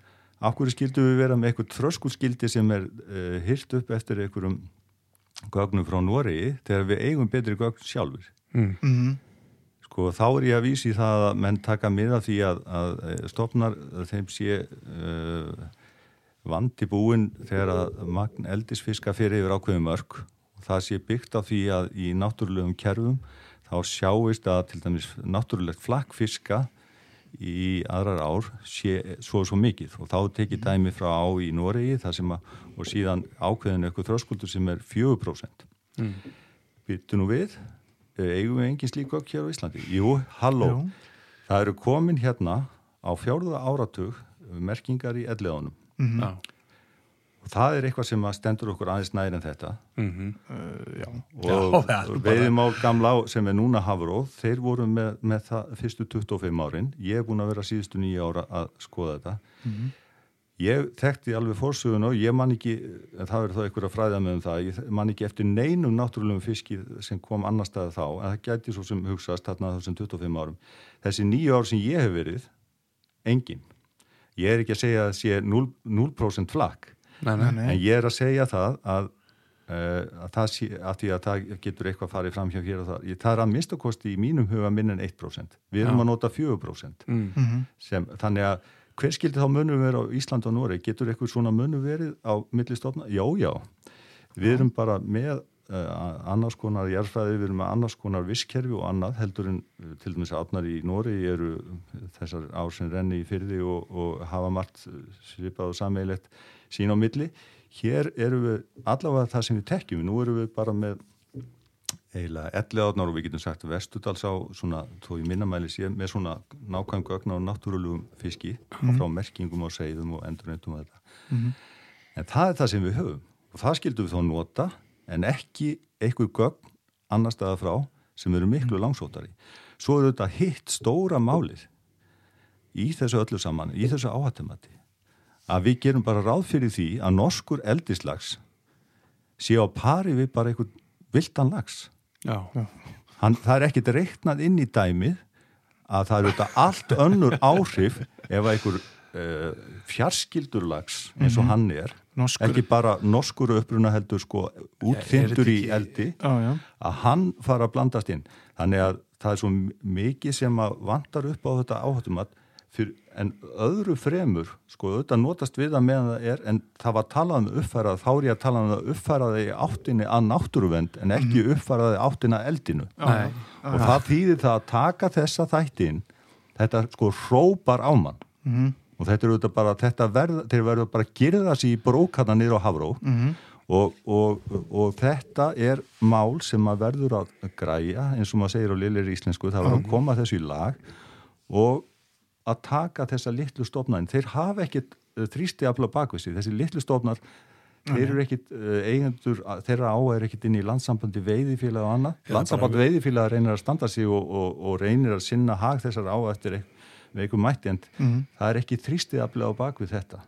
Nei, nei, nei, Þess, þessar, þessi árkerfi sem eru lítil og, og undu mesta, mestu ógninni sem stafar frá þessu eldi. Það verður það fyrsta sem þurkast út. Já. Já. Og náttúrulega líka, eins og þú nefndir, þú veist, það er ólíkt að jafna því saman að það, þú veist, eins og það lítur að vera eitthvað náttúrulegt flakk, hvort sem það er 1% eða eitthvað, sem er eitthvað svona bak hvað, bara til að tryggja þá landnám eða ef það verður eitthvað áfall eða já, já. Uh, maður getur umt sér að það sé kannski allt í lægi að fá hérna, að eitt lags og grímsá og komi kannski inn í erðarni í þverra áskilu eða eitthvað svona aðeins að frísku upp á það það er alltaf allt annað að komi hérna bara strollan að einhverjum norskum 35 punta Já, já, og þetta er, þetta er bara ég minna við vitum svo lítið og það er það sem ég sæði í byrjun og að, að, að þó maður sé að allur að vilja gerði sko þá, þá eh, er mann ekki nógu mikið spekingu til að það gangi nógu rætt fyrir sig og annað og, en, en það veit maður þó að, þetta er ekki allt saman eins og auðvitað er líklegt að það eigi eftir að koma í ljós eins og sömstaður hefur sínt sig að þess að minni ár hafi meiri, stofna sem hafi meiri tilningar til að flakka því að mm -hmm. það mhm. getur verið riðum um, það getur skipt meira máli hjá mm. þeim heldur um stærri stofnunum að, að til þess að, að takast á við það er svona uh, erfiðar aðstæðu þegar það fáir í liði Já. að það getur mm. skipt meira máli að það komi regluleg inn frá uh, nákvæmlega ánum og mm. getur þannig séð myna, hver segir að við getum ekki þegar öll þegar komna frekari upplýsingar að, að við sjáum ekki að það sé kannski frekar hægt að tala um jável þess vegna stoppbrót sem að það sem stopp sé í raunni í nokkrum aðleikjandi litlum ám. Mm -hmm. en þetta er bara eitt fyrirleikjandi og, og þanga til uh, hvort heldur er þá er þetta ja, uh, verðmæti stopnar Það er náttúrulega gríðarlega víða potibrotin í þessu og það er nú kannski mm. það sem að uppalega ekkur normarinn hérna, þeir vita að hér er strukt, hérna, skortur og infrastruktúr og svona til að takast á þetta. Þeir fá þetta ódýrt og... Þeir flýja kom, kom. kannski rýsandi regluverk heima við og, og hinga í vilda vestri. Já, það er doldið sorglega til þess að hugsa að auðvitað, eins og ég segi, það er ekkit öðri sem aðri með það að maður sko vildi gjarnan og að þetta væri allt svo gott og Já. menn getur fengið störf við þetta og, og allt gengið þetta vel og svona. En núna í dag þá er það bara megin regla hjá síðunum þjóðum við kennum það nú gærna við inn á vestrannu þjóður en, en við þykist nú vera í þýliði þó að það sé nú að koma upp tilfelli núna undarfari sem vinn okkur á að við erum ekki allt og síðuð Nei, Nei. að við gerum og segjum það í orði og við verð- eigum bara að, sjá til þess að það sé í borði líka, á borði að, að við virðum náttúruna að því leitinu til að við séum ekki að skapa þá hættu að stopnar hætti að vera sjálfbærir og degi út og, og, og fleira. Það er bara það sem við erum að að tala um. hafa bara þá siðferðislega ábyrð sem þjóð Já, við, við segjum, við erum búin að undirrita þetta, Já. við erum búin að undirrita samninga um lífræðilega lega fjölbreytni og annað, alþjóðlega Mhm. og ef við auðvitað gerum, eh, segjum eitt og gerum annað sem að stangast á í þessum etnum, þá, þá erum við eitt, auðvitað ekki að, að standa okkur. Þannig að við verðum bara ekki. Að hérna, Þetta er náttúrulega eins og segir við rammar reypa draga, draga það er fjármálraðara sem að meiri segir góðu veðmaður og við vonast ennþá til þess að geta fengið í Já, við þáttum meitur að fá hérna, En það var hann einmitt er búin að segja já, bara að, að la- lagseldi í sjó sé komið til að vera og sé Já, bara í, í staðin fyrir lónuna og, og Já, hérna hann sagði það bara reynd út bara í, í, í hérna kastljónstætti bara eftir, eftir, eftir hérna síningu á heimildamind sem var sínd hérna á rúf um, um uh, þetta fiskeldi og annað Já, Sýnt þetta myndin frá, frá Æsland Valdafönd og já, Já, það var sínt hérna heimildamindum hérna, again, á móti ströymi mitt. Já, gott ef ekki er sko og hérna hún sínd og, og þá var náttúrulega fóru allir að spyrja hver, hver gerir þessa mynd og hver, hver hefur já. hagnað af því og eitthvað annað og þá kemur bara viku setna fjármálaráðara í, í, í Kastljós og segir bara ég meina lagselt á Íslandi er bara eins og þú veist, eitt að árið því er bara svo góð lónuvertíð af því að lóna var þá að detta niður og, og hvað þá bólur náttúrulega bara eitthvað, já ok, það er frábært drullu saman allt annað sko Já, þetta er ekki alveg kannski rétta stemmingin eins og ég segi það er, ja, sko, lengst af allavega var stemmingin svo í loðnunni að kjelt maður kannski kemur annað í ljós að, að megniða peningunum varð eftir hérna innan lands. Já, Það reyndar að vera að koma í ljós núna að þetta var nú eitthvað flutt erlendis mikið til. Þannig að maður skildi ekki segja. En e, það er bara búið að sína sér núna að hans að ég hafi nokkurt vit á peningum að þessir fjármunir sem að eru að fara um hendur þeirra sem að eiga íslenskt eldi á lagsi í sjókvíum það endar elendis og auðvitað er þetta alltaf með sömu formúlunum við þekkjum hana. Skortjármagnað og og, og allt fóður og allt keift af móðufélaginu og, og því er þá bara stýrt þannig að það verði öruglega ekki hagnaðar að starfseminni hennar ég, og það er alltaf Akkurat. fyrirtæki verður verðmættar og verðmættara hlutinir í því en aldrei skilaða hagnaði. Nei, það er allavega, það er Já. allavega við skildum að allavega hafa reglurnar þannig að, að þær séu eðl- eðlilegar með að þessar, þessar grunnforsundu, við þykjumst hafa sem þetta grunnforsundur að við ætlum að venda uh, lífríki landsins. Uh, ef ekki að byrja á því að, að setja reglurnar þá þannig í kringum það að, að, að það sé tryggt og síðan geta mann farið að reikna hvað ég geta grætt marga krónur þegar þeim skilur þau með fullnægt, Já. segi ég. Þetta er náttúrulega bara fenn sem við getum grafa okkur hún í endalist Já, magna Sigþór hvað við erum uh, En án gríns til- poll róli Já, þú veist, það er, já, mann er, man er fyrir að hitna þegar maður fyrir að ræða þetta. Þetta er nefnilega þessi eðlis, ég var að viðkynna það. En uh, mér lákaði aðeins að ef við spólum aðeins tilbaka, þú nefnir og þú reykur þetta fyrirtæki Laxiskar sem stopnar 2003 eftir, hvað veistu, 13 ár sagður hjá Veiðmálstan. Ég var nú uh, sumar, ég var nú 17 ár reyndar 17 ár, já. já Já, svona í árumtali en Já. ég held ég hafi nú verið rúm 15 ár svona ef maður leiði allt saman Já, og, og svona það sem að fólk eh, tengir þig mikið við eru náttúrulega þessar rannsóknir á, á þingvallaugurarm og við mættum til við hafsteinn í, í rauðagönguna núna í haust og Já. hérna náttúrulega bara mann haf þarna og kannilega mikill áhugi og, og hérna en þú ert nú búin að sinna þessu rannsóknum hvað í 20 ár að verða það? Já, ég byrjaði nú þarna það er, þetta var sko ég er nú verið að merkja svo sem uh, langan aldur sko innan ásins á ýmsum tímum en, en uppaðu þá var ég nú að merkja fiska bara á höstin mm -hmm. á, á, þegar þið komið til að hrigna og reyndar engangi auksar til að byrja með það byrjaði mitt 99 og, þannig að þetta er 21. hösti sem ég er að merkja. Hvenar, hérna... og er búin að merkja álega og, og rannsaka á síðan. Ég held að þú hefði verið með, með hérna, hérna þú varst að sína öru en þá varst þú náðast með einhverju hérna bara með nafni sko. Já, já, og það sem, eins og ég nefndi þarna, það var nú einn uh, gammal kunningi sem að sínir hvað, hvað maður getur þurft að vera lengi að til þess að ná svona heldar hringnum í varðandi lífsferilinn og lífssöguna. Þú er kannski bara rétt að loka einum hring hjá þessum fiskum. Já, akkurat, því að já. ég er aldrei stoltur að því að fyrir utan að hafa verið að skaklapast hennan tíma þarna og, og til gags stórun hluta, sætt að segja, að þá, mm. þá hérna var ég svo lánsamari geta komið þessu hérna, fræðslugöngum á í samræðu við þjóðgarðinn mm -hmm.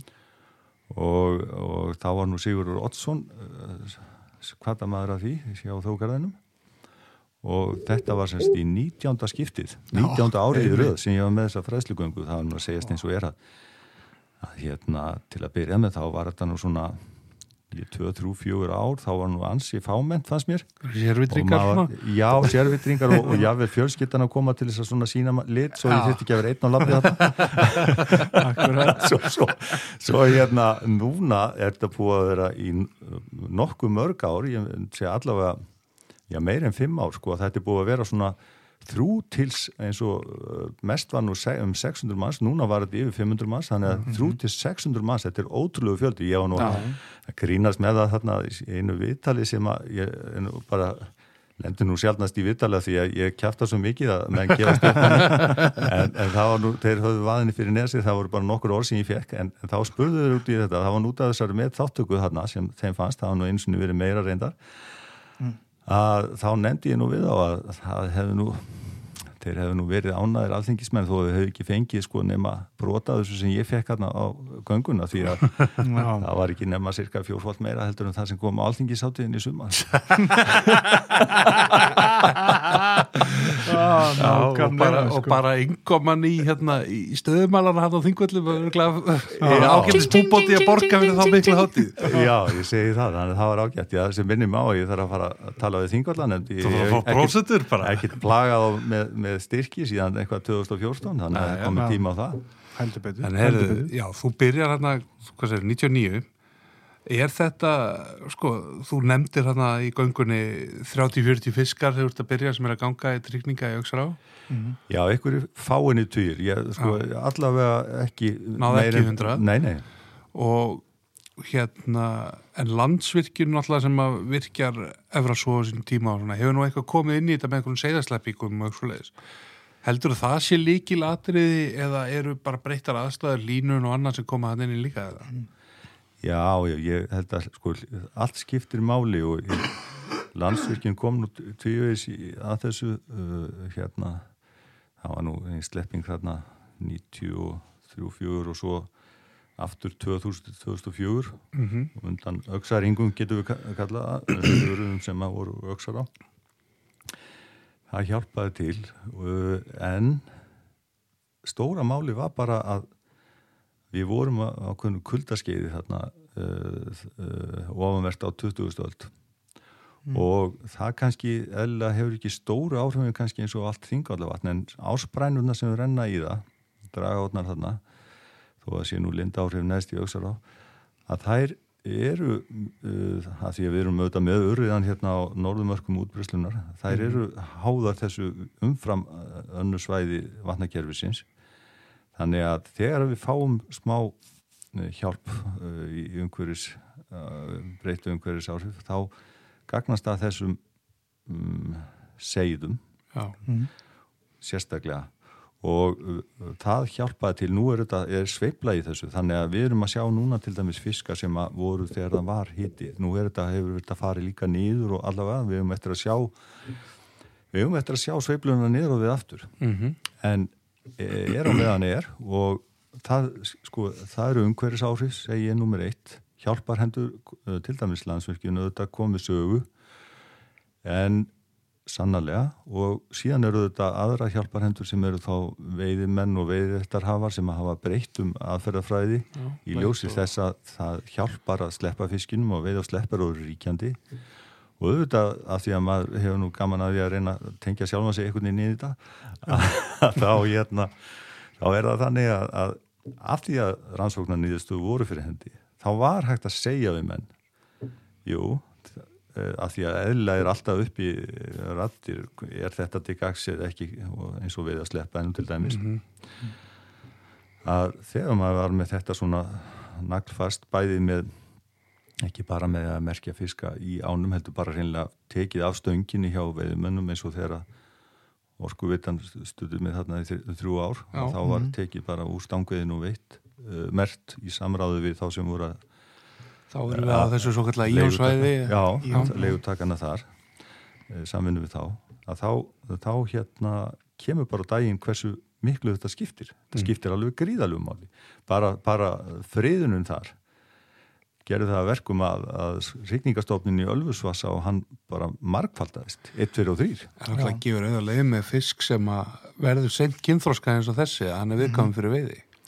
Já, og, og, og þegar hann sko hrygnir ítrekkað að fá hann tækifæri til þess Já. árum saman Aha. þá er þetta svona uh, bara eins og, eins og dæmi eins og enginnisfisku fyrir sem ætti sko, passar öðrum fremur betur inn í þessa veiði aðferð og eins og ég segi að, uh, rannsóknar síndu líka hversu stóri stofnarnir voru, hvernig þeir voru að stækka. Og þegar við erum að tala um þetta gatt þessuna verið allt nýri 30-40 fiskar þannig í upplæði núna voru þó að sé við örgismörska því ég var ekki með teljaran í gangi núna, ég hef ekki verið með fjármöðun í það um skeið.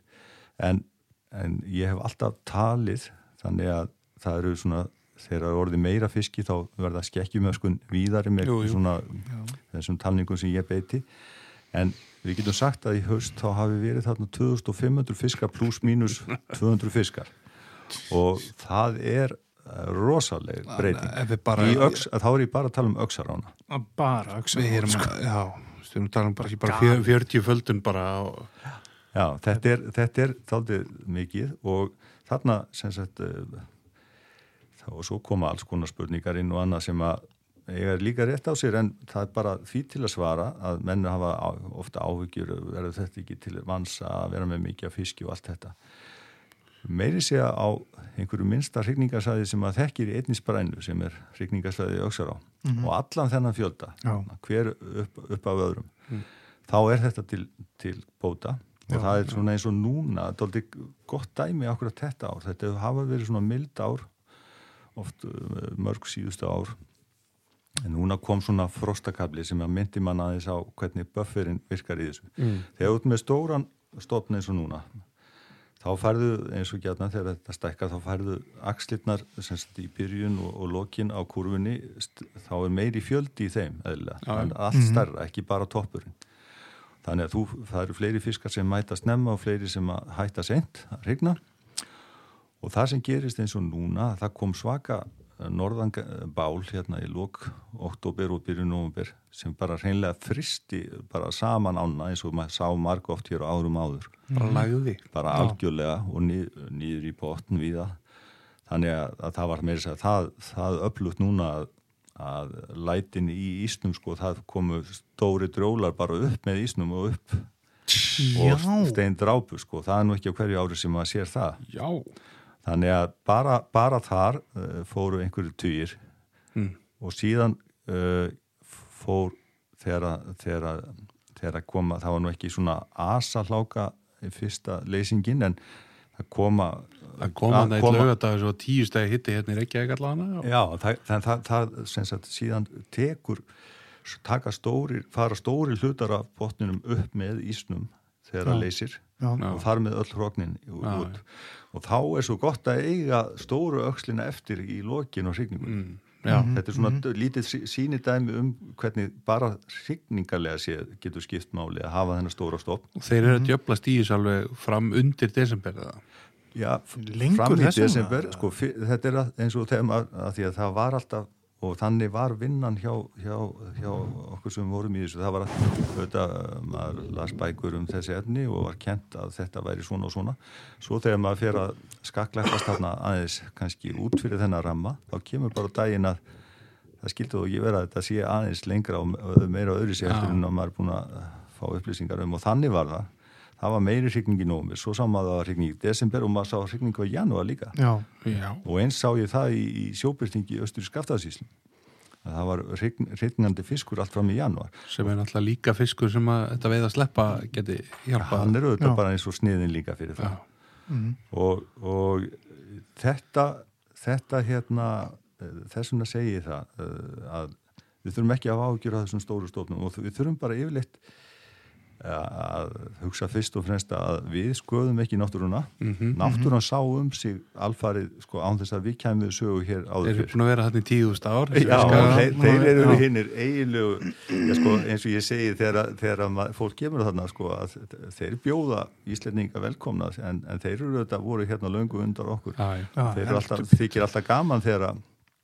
þessi konungar og drottningar uh, eh, þingvallavas og landsins alls sem ég kalla konungar og drottningar ferskvarsfiska þessa lands, þingvallavurinn hann, hann er svona tákgerfingur þess uh, sem við eigum hérna í ámávatnum þar að segja mm -hmm. þessi fiskar sem komu hérna á námuland strax og Ísa listi, við kynum kallaða mm -hmm. það, það síðustu Ísvöld þegar, þegar henni lauk og við skildum bera uh, virðingu fyrir þessum fyrirrennurum okkar hér. Ah, ja. og með þeirra leifi þá fengum við að stíga hér á land. Já,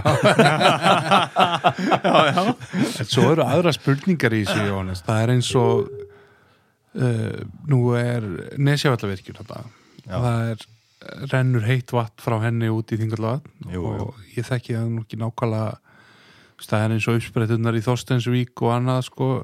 Jú, jú Hefur þetta verið stór leikmaður í því að það sé svona mikið að fiskja það? Ég kom nú hana fyrst í Þorstensvík fyrir 20 árum síðan eða eitthvað og það voru vissulega örðar hérna sko og allt það en, eh, og meira heldur en eh, gengur og gerst, gerðist annar staðar en, en hérna þessi hiti og lítur að vera stór faktor í þessu og er, er það mannavöldum eða er þetta náttúrulegt? Sko í grunninn er þetta náttúrulegt. Við getum kallað það sko hýtast í þetta þar sem að þetta streymir fram uh, hérna í bæði í öndverðu og reyndar eftir að það bættist í það þarna eftir, eftir að virkjunar uh, uh, virkjun, virkjun var, var sett á lakirnar það, er, það hýtast í svona lauga hýtast í þannig að þetta er svona 20-30 stíg mm -hmm.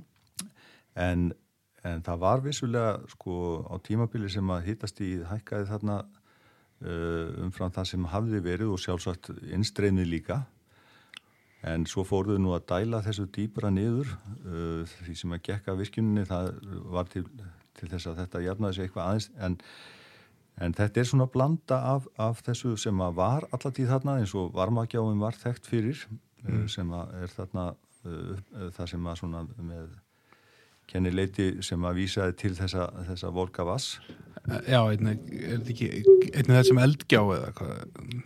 Nei, hérna, Eldvík. Já, Eldvíkin er, er, er þekkt eh, fyrir þetta sama. Já. og það sem að gerist er það að þegar það kemur út í vatn, þetta volka vatn þá, þá finnist það ansið hrætt út. En það er mm. samt heitar að þarna aðeins út af. Mm. og uh, fiskurinn hann fær sér þetta í nýtt en alls ekki allir og það er sérstaklega ákveðnum ástímum sem að þú sérði eins og þú sagðir meira fiski þarna heldur og myndir sjá annar staðar.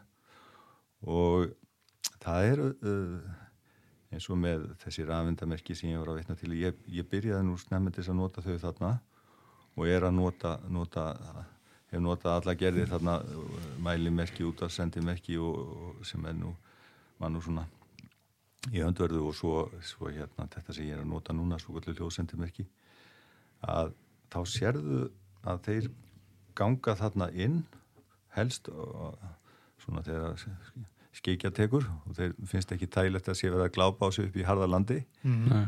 og, og uh, nýta sér þennan hýta og þá er það helst á, á ekki, ekki síst, þeir eru alltaf á ferðinni á þessu svæði, ég er nú ekki að gera lítið úr því en það veið, veið, síni veiðin það mm -hmm. en, en eins og uh, fiskur sem að uh, nú eru þingvallega öðriðar svona farnir að týja sér til vetusittu flestir.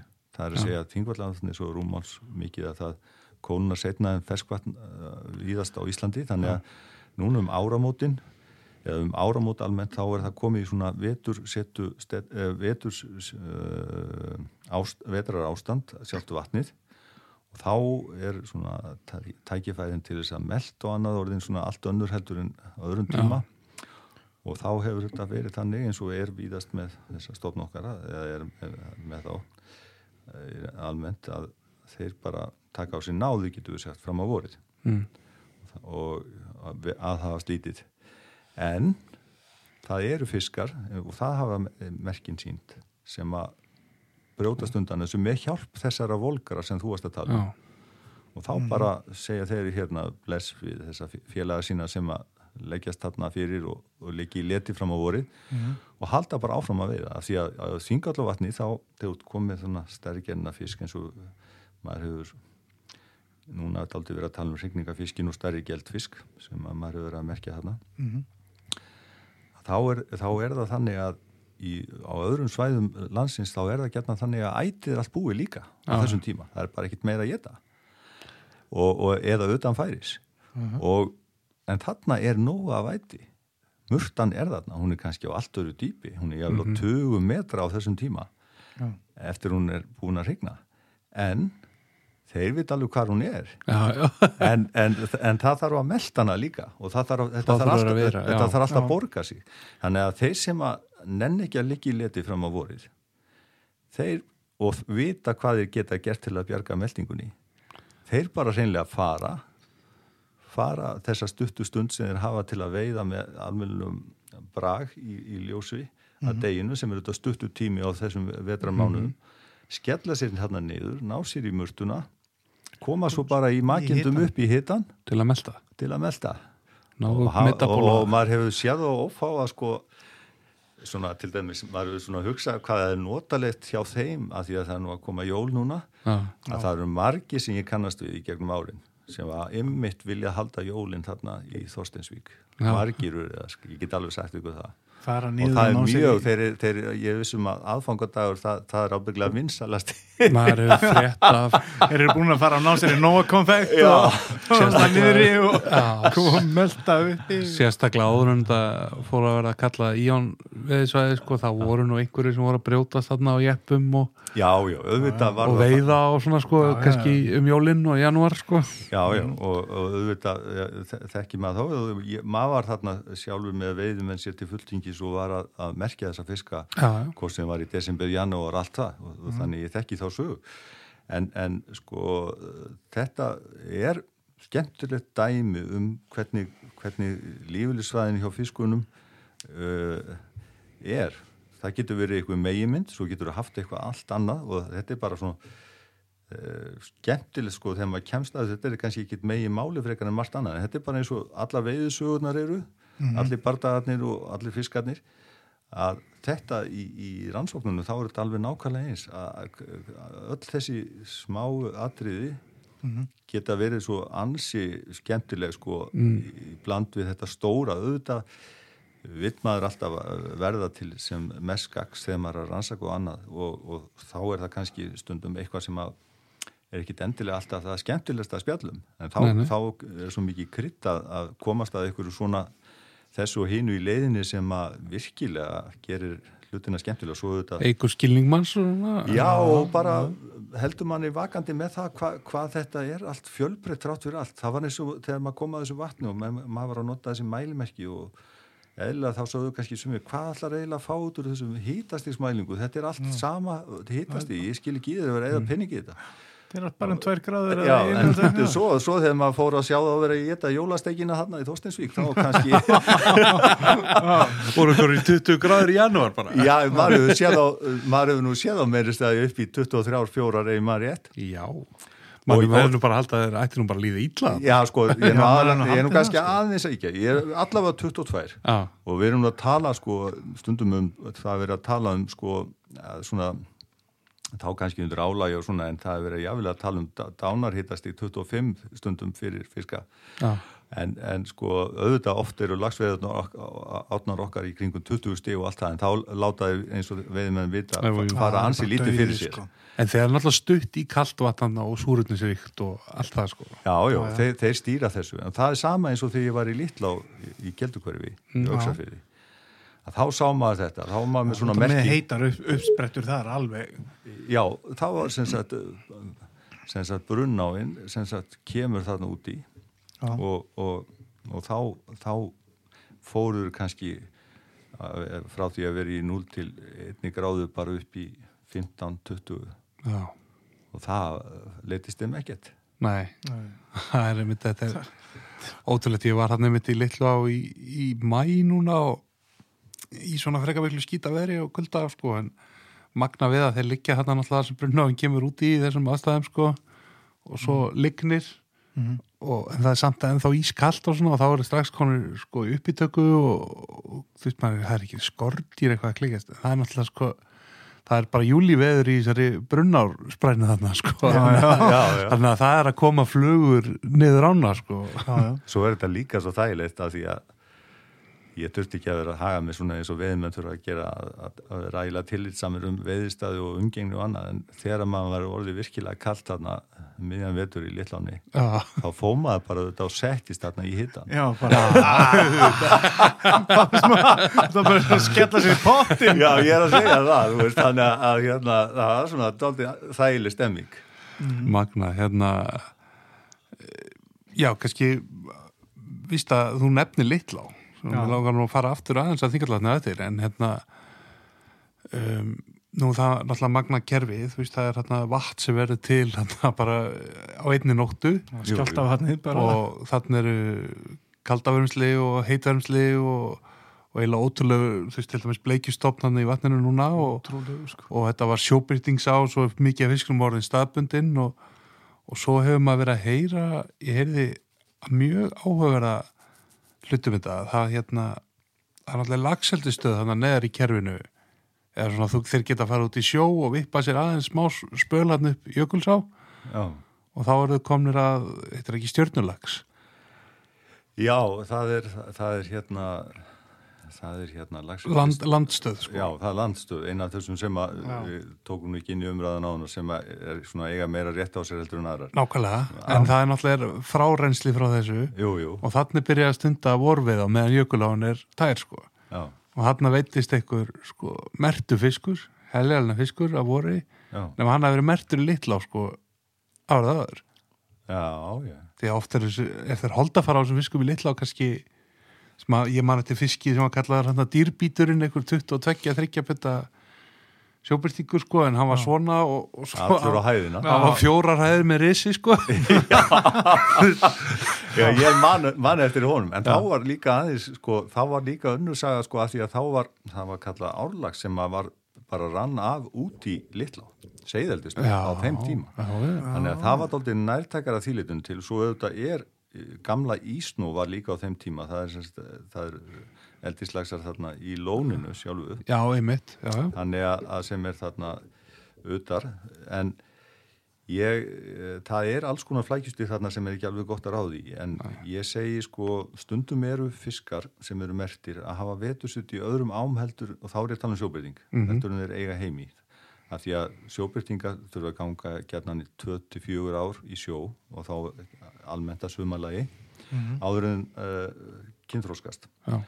ég vil meina og það er niðurstöðu merkingar sem að ég hef uh, framkvæmt og ég veit um að það eru á þá leið að þegar kynþróskafisk þá fer hann undatekninga lítið heimdi sín það eru þetta tilfellið einhver til eins og með lagsin hann fara eitthvað annað en gældfiskarnir þeir nenn ekkit endilega að vera heima frekar en úlingarnir bara okkar sko, þeir eru að slæ, vilja slæpast. Og, og, og, og þá er bara kíkja í sjóppuna já, kíkja þetta aldrei í sjóppuna og svona veturnin virðast að vera þeirra sjópputími ja. þannig að þá eru þeir í einhverju annari, sko, ekki í hérna, sjóppinu heima heldur í næstu sjóppu og það, það geta verið þessumna 10, 20, 30% af geldviskinum í einhverju öðru kerfi ef það er svona ef þeir komast upp á lag með það er að segja ef, er, ef það er hagstætt til vetusettu litla á ennefla ægilega hagstætt til vetusettu og ég hef grunn um það þetta er eins og í, í hérna kerfinu sem að ég var mest viðlóðandi fyrir austan í skaftárheppi það sem að e, skaftárkerfið og, og grenleikur sem kemur þar út í sama ós mm -hmm. veiðið ósinn að þar var um það að fiskar úr skaftárkerfinu hafa vetusettu í grenleik og maður merti á sem gelfisk í fytjaflóði já Svo komu ja. þeir kannski upp sem frikningafiskar í Gerlandsá en reynda sko mm -hmm. greinlækjastofni var svo sem uh, börðurinn af fiskinum í áni en, en þarna var, er semst sámöguleikja í Littláni þá séu uh, hérna mertigeldfiskar og komið svo fram, það er svona eitt möguleikin en mm -hmm. það, er, það er bara þegar ég var aðna þá kom bara reynlega í ljós að líka þetta var allt silfur sleið og fallett að hluta því sem að menn töldu vera sjóbyrting var staðbundið. Bara fallega silfurslegin fiskur sem að sko síndi öll hinn enkenni eh, sjóbyrtingsins hann kom og fór. En hva, hvert kom hann og hvert fór hvert hann, hann það var nefnilega það sem var. Það var skjáltavatnið mm. og, og þú veist e, maður kannski með fisk fyrir veðitíma ég merti eitthvað sko geldfisk í segjum sem var fyrir veið tíma þá, april býtu, hvert var hann kannski komin í hérna uh, þegar veið tíma byrjaði, jú, upp í skjáltavatn og þá var engin veið í skjáltavatn en mm. þá kom hann þar í nett og, og þess vegna segi ég þetta er svona en það er einmitt þeir sem fari í, í, í Littlá í, í lók júli segja þú veist hvað er allir fiskurinn sem var hérna í april sko? Já. Þetta, þetta, þetta er svona það er, það er hérna það var nú sko ég var svo sem að hjálpaði þarna fyrst eftir ég var byrjað með mitt fyrirtæki en, en þetta er svo erfitt, menn eru oft alveg með eldmóðin og allt það en fyrir lítið veiðifjölu eins og í Lillanum þá er ekki hægt að ná utanum allt þannig að mm -hmm. það var svona komið uh, þó það langt að, að það var búið að fjárfesta sko í teljara sem við ætlum að setja þarna í, milli skjáttavas og Já, já, í rörinu. Já, já, alveg, þennan þægilegustu aðstæði Þetta er alveg ah, geggjar aðstæði Það gerist ekki betra Það er nánast þessu stípla Menn runn á rassin og það var alveg eðlert því að þetta var mjög, mjög, mjög litli fjármunni sem menn höfðu hand á milli. En, en blessunlega þá var fóruða nú þannig og þó ég fengi nú enga styrki þá náði ég að kljúa það að kaupa teljarinn að þeim. Og það var teljarinn sem ég náði að nota í mörg ári í, í, í Öksaróni Já, já, já.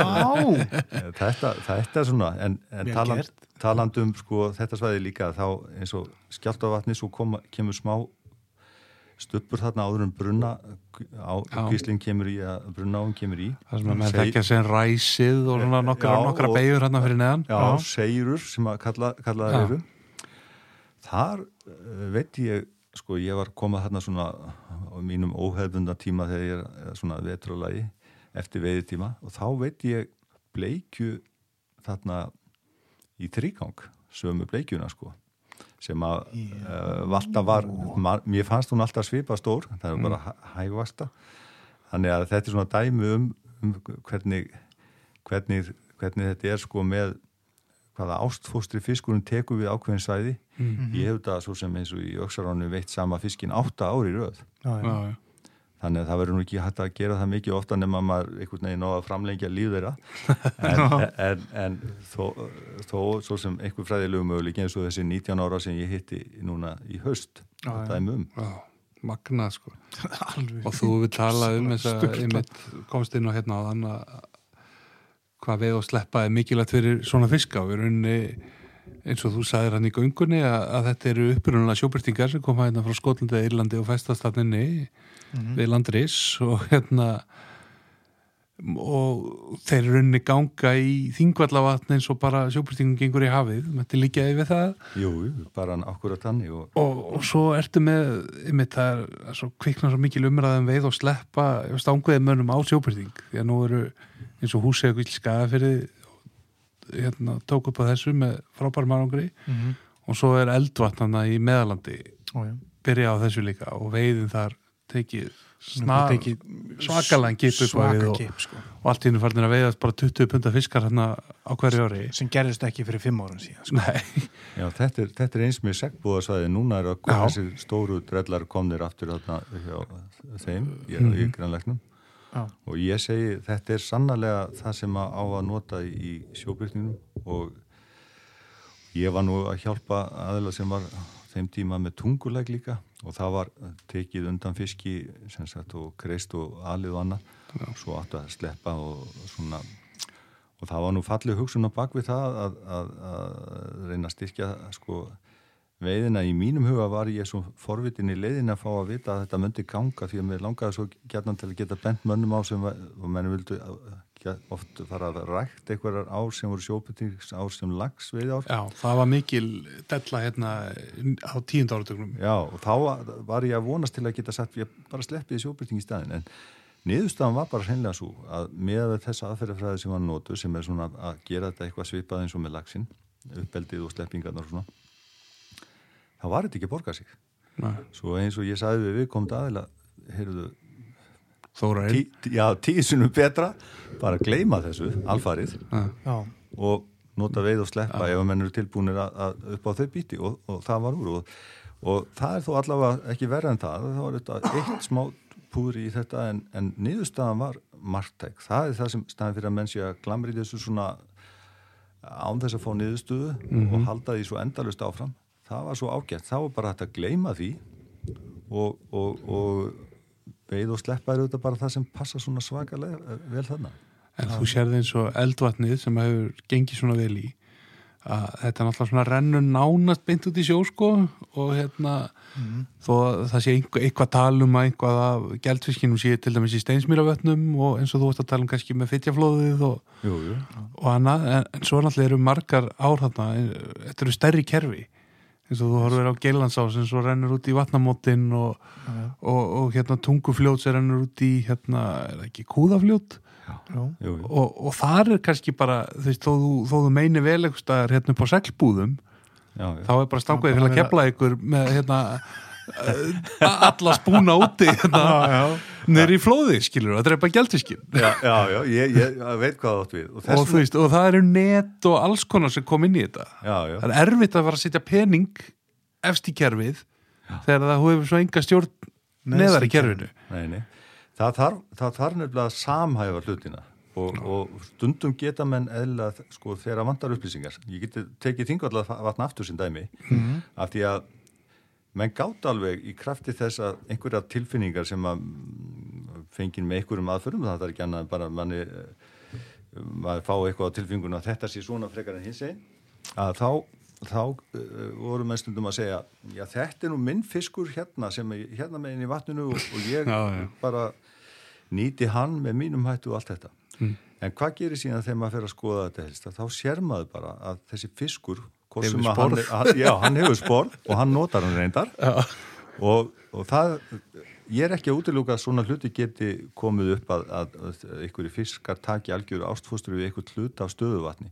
En það vildi þannig til að fiskarkort sem þeir voru runnir úr Ölfusvassá eða útvallinu eða, eða Öksará eh, sem sagt stopnalega sér að þeir fóru um allt hingallega þá er, þessi, þá er þetta búið þessi umræðum það að, að þú sért hérna með þína fiska og hinu séu með sína fiska. Hvað þýðir það?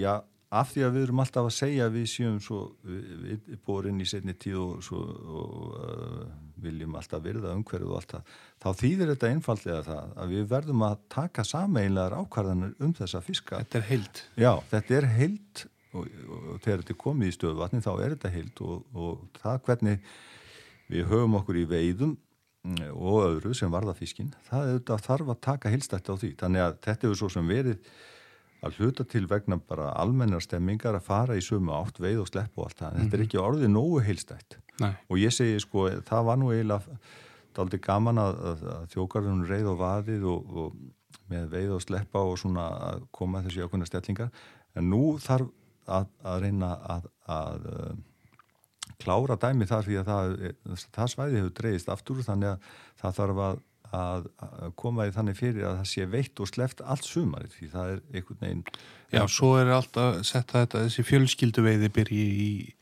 júni og þá má allt agn og, og svo framvegis. Já, og það, það, er, það er nú fallegt við þetta svæði að það er hægt að veiða uh, til dæmis fjölskyldur á þess að, að það þurfa að vera efnafólk og annað og það, Mhm. þannig þurfum við að hafa það. Eitt bara besta veiði var bara í heiminum. Já, þannig þurfum við að hafa áfram en við getum alveg haft veið og sleppa út tímabili, jável þó að það sé á allt mögulegt agn Já.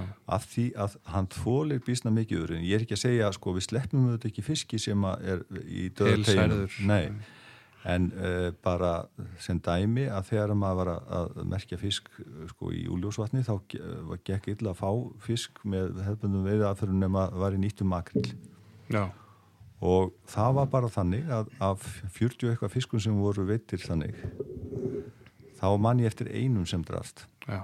Og þeir voru mertið með hljóðsendum og þeir var fyllt eftir út um allt vatn. Ertu þá að taka úr þeim öngulni, ertu að skilja hann eftir eða? Taka hann úr ef það var mögulegt. Og, og þess vegna segi ég að, að uh, urðinu auðvitað þólnari heldur en lagsina mörguleiti og slíkt en, en uh, þetta það þarf að uh, vera með heilstæða stefnu á sameilum svæðum eins og þú vart að segja Mhm. Eh, það, hvort það eru árkerfið eða stöðuvötn og, með, með ám og annað þetta er allt undir sömu sökina selt að við þurfum að uh, eins og menn segja haga, mér, haga sér eins og menn og, og, og, já. og veiðmenn eru bara ansi góður í því því að það, þeir hafa tekið oft uh, sko slægin, þeir hafa farið á undan með góðu fordæmi uh, og þeir þekkja það því að þeir vilja auðvitað hafa sína stofn í lagi.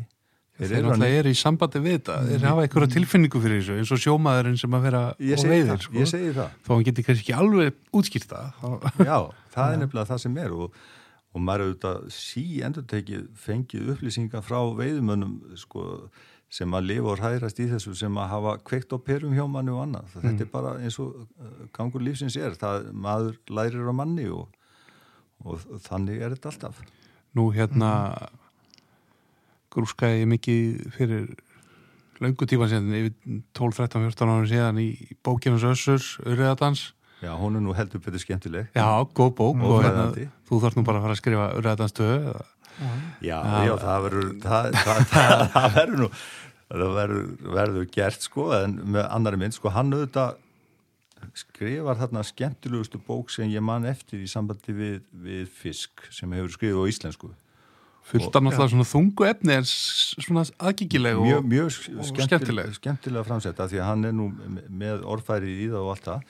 En ekki bara það, hann gerir það bara vel og allan hátt. En, en sjáðu, þarna er heil bók og þarna, það er svo ótrúlegt á þessum tíma, því að þarna þetta er komið fram á síðasta áratug síðustu aldar, að þá þetta er- er eiginlega bara minnisvarði. Já, og Já, þá er, er þá er verið að tala um urðan í þáttíð já, Já, og það var að, eins og ég sagði þessi, þe- þessi köldu ár þarna, þessi köldu áratugir uh, sem að byrja auðvitað með sjönda áratugnum eins og við þekkjum nú að hafís árun og svo áfrangak með það sem áður hafi verið að þau, þetta, þetta leiðir í þessa átt ásamt öðrum þáttum þetta var virkunin hérna inn í þessu annað en, en þessi...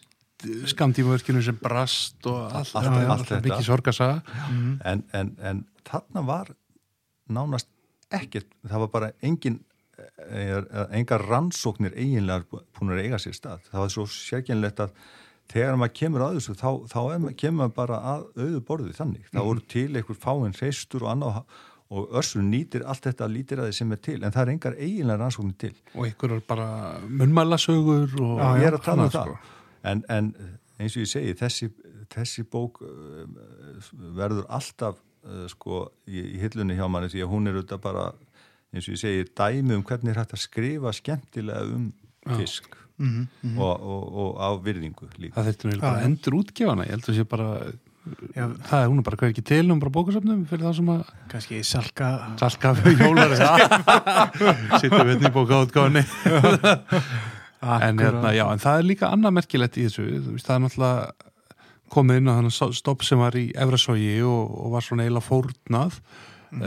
náttúrulega bara til að sitja ljósin í Reykjavík, það var ekki verið að gera er náttúrulega sorglegt eftir á en þú veist það er ekki verið að mæna eftir bitcoin eða eitthvað svona álíka tilgáðslaust sko. nei, nei, nei, nei. en hérna og þetta Svo- var tíðarandin Þetta var tíðarandi, Já, já, allt skiljanlegt já, og bara í, á- vissum ekki betur og allt það. Já, Já, já. en í þessari bók kemur össu líka inn á svona, ég veit ekki hvað munnmæli um aðra stopna en eins og til dæmis við þekkjum úr þessum ósum hann að nesjavallamegin og svo úr öksaráni sem að liggi í einhverjum uppsprettum og ég man að hann nefndir einhverja strítu þarna út af Arnafelli og vitum við eitthvað meir um þetta eða er þetta hugabörður þessara manna sem að kannski Ég, sko, það er með þetta, þetta liggur nú ennþá óbætt hjá Garði að, að, að fá þetta staðfest. Við getum alveg sagt að það er ennþá möguleiki á þetta sé, það sé ekki reyndin, en það er ennþá möguleiki að það sé eitthvað Ah, sem, með þessu má- móti. Eina sem við höfum staðfest er að þeir signa í ánum og þeir signa reynda þótt ægilega lítið sé í útfallinu. Já, og e, síðan kemur þetta sem að að hluta til hérna á bakvið þessa sögu sem hann er með er það að á ákveðnum tímum, semst hrigningatíma þegar menn tekja það bændur sem er að nýtja þetta og annað, en nú, nú er hrigninga í gangi og þá er þeir alltaf inn að fá hrigningafisk á ákveðnum stöðum, segjum eins og við ykkur uppsprettur við skálabrekku höfða eða einhver staðar, mm -hmm. skálabrekku ætla ég að segja, hólma að, að uh, en En það, sko, það getur vilt mann svo sína þeir veið eitthvað uppsprettu en fiskurinn er annarkort að fara á hrigningastöðar eitthvað annað eða koma það Mm. Já. þannig að það er ekki staðfist fyrir en það verður meira staðfist eða sleppurrykningu já, já, en, en hins vegar já, en þá var hann ekki með hrokkminn nei, tilbúin nei, nei, ekki. en hins vegar það sem að eru smá uh, örður sem að vísa í þessa átt uh, sem að þessu var að nefna þarna tengslum við þessi munmæli frá heimamönnum er það að uh, veiðmenn hafa og ég sjálfur uh, við höfum veitt fiska utan hrigningatíma með hrókn sem er ekki í takti við hrigningatíman til dæmis hrókna mm. þróska og annað og það fæ mann til þess að hugsa er þetta fiskur sem er að hrigna við lindir af því að linda, eh, sko þeir sem hrigna við lindir hrigna á öðrum tímum eins og bleikjan sem hrigni við lindir í þingvallavatni hún hrignir eins og til þekki það byrjar að hrigna um sumarið sem Já, þetta já, fátitt sko, ein, Jólastræti og já, þar. já, byrjar reyndar í júli Já. og er að hrigna fram í ágúst og það er að því að það eru kaldavensl og til þess að þetta komi upp á réttum tíma með að við sko fæðutoppin árið eftir þá þarf að byrja á þessum tíma í kaldavenslu ah, þannig að ef að auðriðin er einmitt að gera þetta þá þyrst hann að vera á, á, á sama uh, það, við getum verið að tala um eitthvað örreitis magn, það geti aldrei verið annað því annars væri við búin að sjá svo sterk uh, sterkar tilhengar að menn væri að fá hrókna fulla fiska og allt það. Mm, en það geta semst verið eitthvað brota fiski sem væri að stunda þetta á þess að við séum búin að komast að því enn. Og eins í hinn áttina ef það væri að hrigna við heitulindirnar hinnum veginn já, Já. já, þá, Já, þá, er það enn setna þá er það bara, þá er ekki sinni mættir sko. Ég, þá er það bara undir vorið því að sko, við höfum hrigningar sko, það, þetta er svo, þetta er svo margbreytilegt hérna. Það kemur aftur að þessi ég nefndi samt við erðirnar og, og fjölbreytileika ána hérna með að við Nóri að sko, við verðum bara að horfa á það að við erum með einstök kerfi hér að til dæmis bara þessi hitamál hér e, mikið meira um kaldavennsl og svo að hafa þessi vol, lauga hita eins og kemur þarna í brunakvíslinn í Þingvalla vatn á fleiri stöðum. Þetta skapar og laugarvatt til dæmis þar er bara hrigning sko í vatninu alveg frá eðlun tíma og fram á vorið, býtu út af hverju það? Jú, það eru, það eru hveri fram að það sem að þeir eru nú með sundlögur að Já, stöðuna já, sína. já, já. Og, og fiskarnir uh, þeir eru uh, hérna uh, hann var nú að skoða þetta meðal hans Sigur ST hérna í den þegar hann var hérna fyrir austan að þá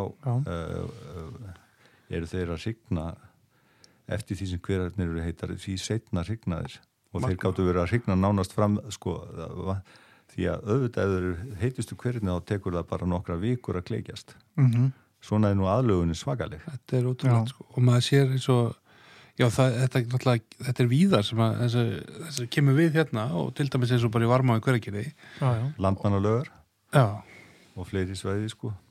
Ótrúlega ótrúlegt magna af, af seiðum eins og í, já, varma náttúrulega verið fyrir þessu klórslýsið þarna og er, er náttúrulega að jafna sig bara þarna liggum við bara tveimur ára setna sko. Já, ma maður hérna bara varmáðan er þið nú bara off bara í 10-15 ár bara, bara, sko, það er tíu steg frost úti en hún er bara 10 gráður í flús núna sko. já, já, já, og fiskur alltaf ganga þarna öllum tímum og ótrúlegt Já, þannig að við, við erum allavega, það, það, þó við séum nú ofta kvarta hérna, eða Íslandingar, mér skoðst ég allt í lagi kvart yfir viðfarin oft, mm -hmm. en, en, en það er fjölbreytnin þarna í, í ferskvatninu okkar, það er, maður getur ekki lesið að kvart yfir því. Það er gríðarlega, sko. En hérna, við erum nú eiginlega lengur búin að sprengja allir tímaskala. Ja, en, en ef við ekki að fara aðeins yfir í hérna, við fengum eins og við nú talaðum, við fengum jólagjöf hérna, snembúna jólagjöf í, í hérna elli ánum.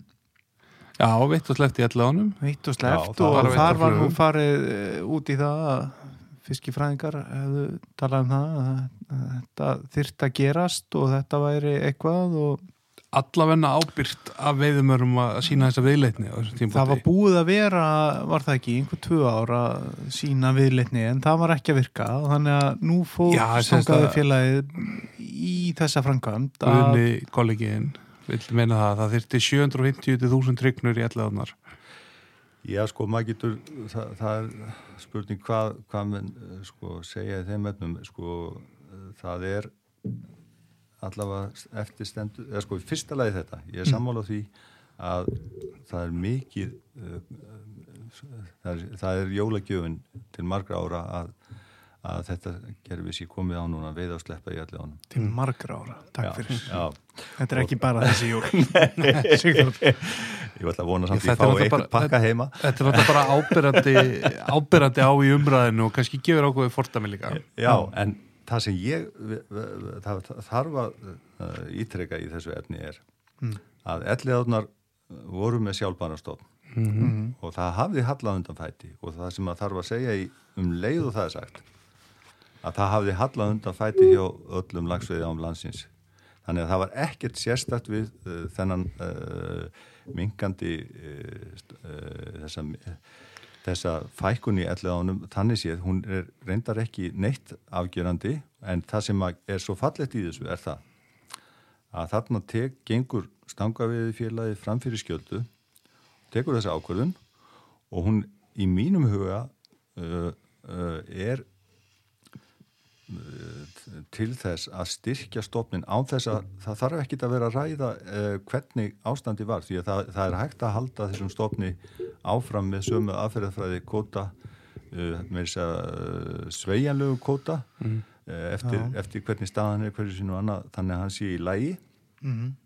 en ég finnst það svona um, af því að þetta er þessi á með mm. þessa ríkursögu og annað og við byrjum svo mikla ábyrð á henni núna þegar að mhm. vissulega mm. þrengir meira aðinni bara út af um, mannabegðum Það eru 8-9 brýr og, mm. og kannski eitthvað eins og eins og Guðurinn nefndi, við þekkjum ekki alveg áhrif, þú veist, ljós og umgengni allt, allt og þetta, allt þetta sko Allt þetta kemur við sögu. Þess vegna er svo mikið vægt að sína þann lit sem er mögulegur og að því að við þarna eins og viða eins og við þingar og, og hvað sem er í reyndinni að þá erum við ekki við erum ekki, þetta er ekki spurningum hvort við lifum eða degjum hvort við fáum að snæða þessa fiska eða ekki nei, nei. og svo haf, höfum við gaman að veiða þá og, og þeim gengur vel eftir að þeim er sleft og allt mm. þetta þannig að bara það að fara í þetta það er í mínum huga svo afskaplega mikið vakt og það er bara til að styrkja stofnin mm -hmm. alveg sama hvort mm -hmm. að þessi að þessi tala hefði nægt til þess að fylla meira og meira af kerfinu.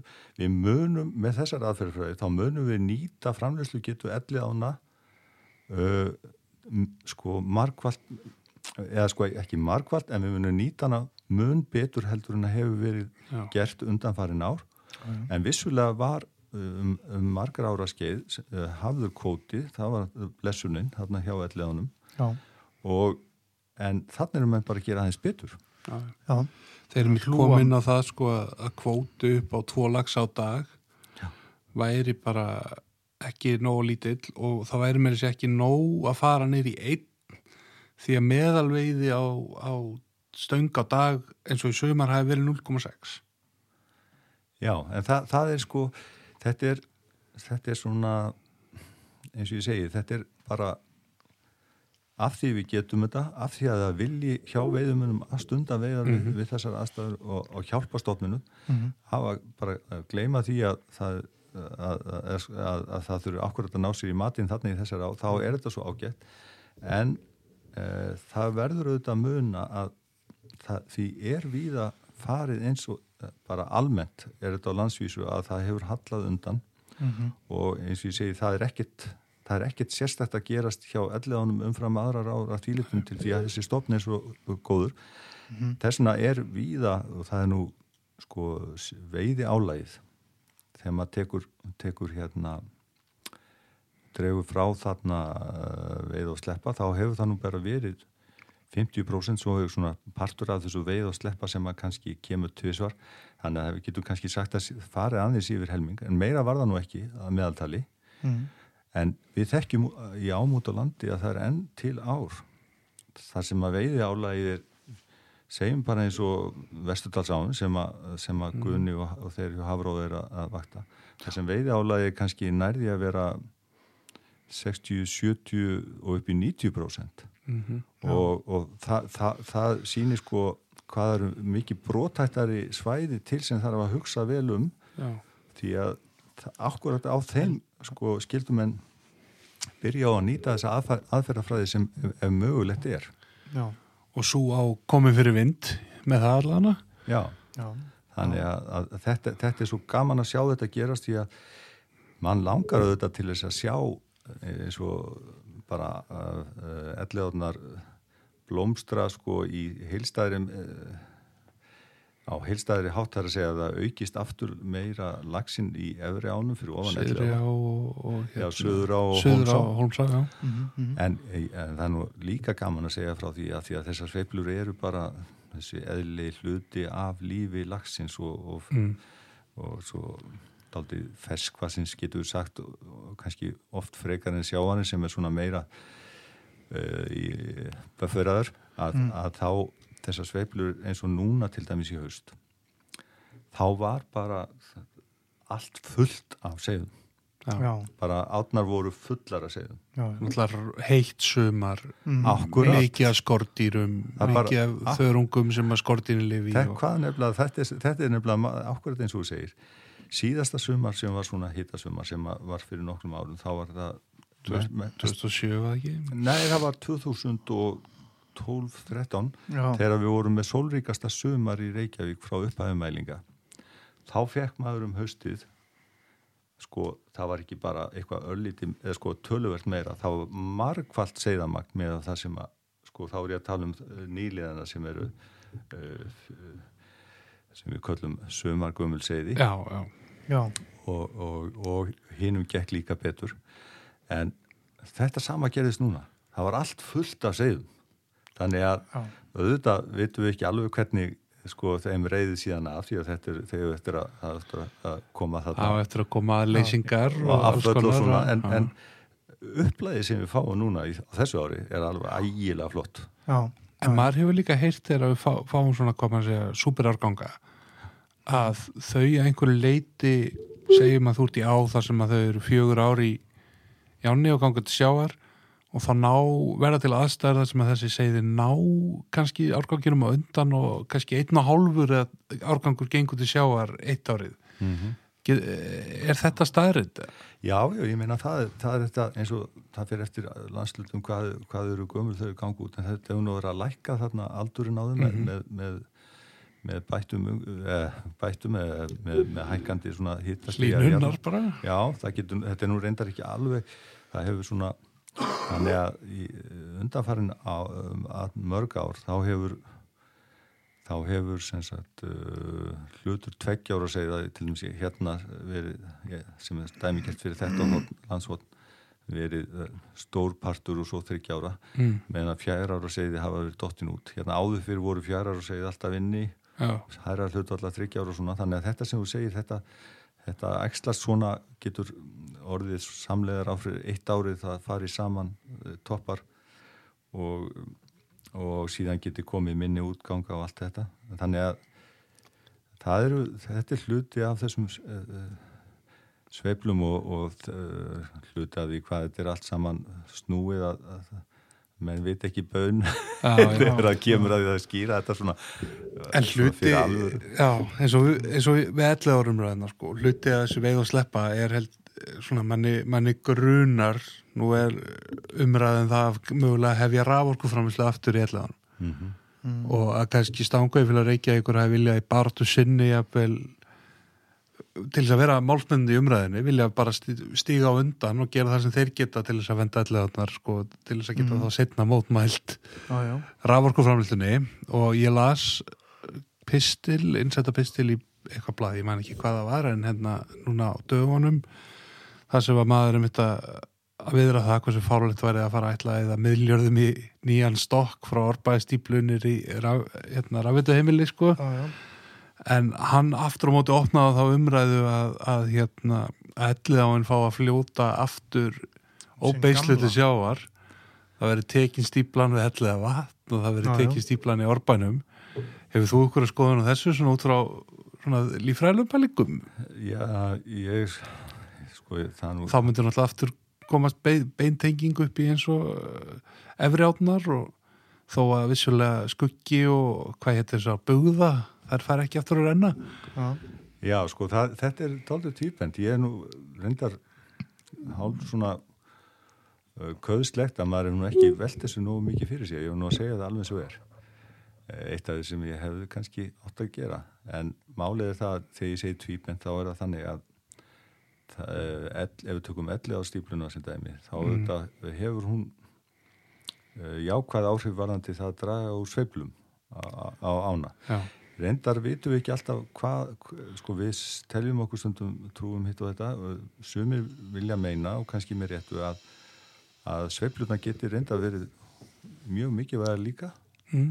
uh, Sveiflur eru ennslið þá Já, en, en, en þegar við verðum að tala um þetta sem er, uh, menn svona aðalega að fóta sig á, að draga úr sveiflunum er það að þá sé svona komið veg fyrir afföllu eh, frá hrigningu og svona eh, með þessum hætti og eins bara á segðum. Eh, varðandi neðri partinn og þann stuttaleg sem er frá árbáðastýplinu og þarna niður fyrir virkjun þá er það vísulega stutturkabli en það er, hefur sko eftir að virk, eftir að virk, eiginleiri virkjun var eða semst á, eftir að hætt var að framlega ramag þar þá hefur samt sko öll aðferðafræðin verið eins það er að segja að það hefur ekkert þú veist það er sapnaði lónið og það er allt gert eins mm -hmm. þannig að það hefur engin svona það er engin ekkert viðminn fyrir mann sko til þess að fóta sig á veist, hvernig var það uh, það geti alveg eins að ennþá verið að vinna rá sko. já sko já að því litum til þá hefur ekkert breyst. Þannig að ég uh, að því ég er nú að vinna fyrir stanguði fjöla svona, ég verði best að vera alltaf í varum sérna menn á nú fikk ég að segja ímislettu stanguði fjöla hérna á þess að þurfa kannski að fá það að svara mikið í bakið. Nei, nei, ég, ég segi, ég er auðvitað bara ég reynir að sinna en bara svona fór umræðin að seg Já, þetta er, þetta er bara eðlert að velta hverjum steini í svona máli og ég myndi segja uh, uh, almennt á gildi nú að, að, að sko menn telja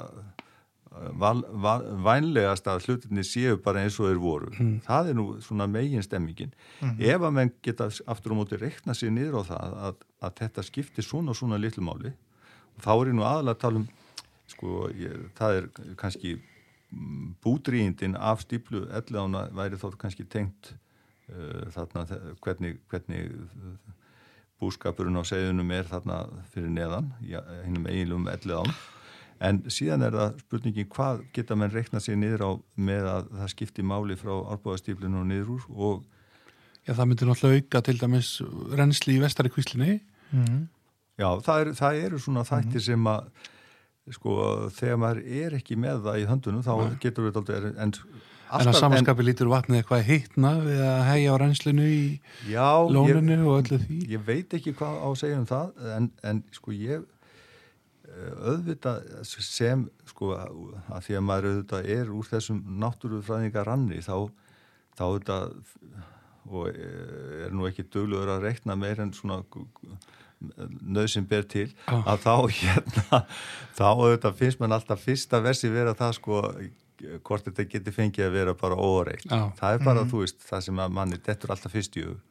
Svo verður mann nú bara að, að horfa stundum á hlutina, stundum er, er svona nýft í mann og sagt já, þetta er nú ekki nema þetta og þetta sem að getum unnað og þá, þá þarf bara að skoða það. Mm. en það verður þá e, þegar að menn taka einhverjar uh, ákvarðanir sem er eitthvað uh, afgerandi þá, þá þarf að gera það. Reyndar er þetta aldrei þægilegt í þessu að, að þetta er svona eins og menn kalla að þetta er, þetta er eitthvað sem menn geta tekið tilbaka mm -hmm. en Já. þú gerir það ekki bara svona annarkvært ár eftir hvernig skapið þú ert. Nei, nei. Nei, þetta eru alveg heilu, heilu mannvirkin. Þetta er ákvörðin Man, man, man lætur þetta í hug bara til dæmis eins og með niðugöngu lagsa og svona, þú veist, þeim er hleyft þarna niður eða ekki og Jú, vorin hvort að þetta geti hjálpaði því eða...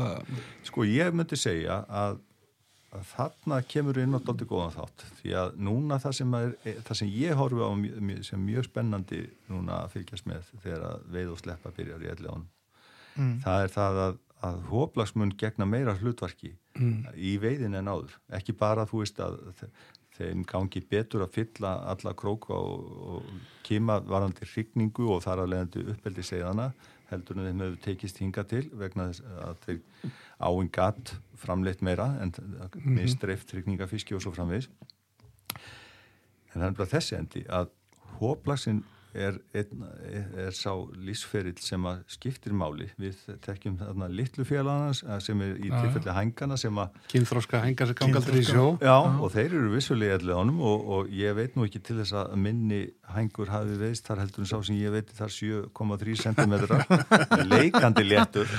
Spólgraður. Spólgraður. Í það minsta og hérna en hann var ekki tilbúin að slást við stóruhængana en, en það er þess vegna sem þeir eru kallaði laumarar af því að þeir byggja tilvið sín á því að því minni sem þeir eru því hæfari og þá geta þeir falið sér nær hrygnunum og hængunum og, og, og lauma sér því að það er eins og ég tók nú dæmi um sko ef þú myndir myndir hérna fara uppreikna sko hvernig sábardaði væri það var svona eins og við ætluðum að, að, að hérna fara að berjast við nokkur að tonna risa.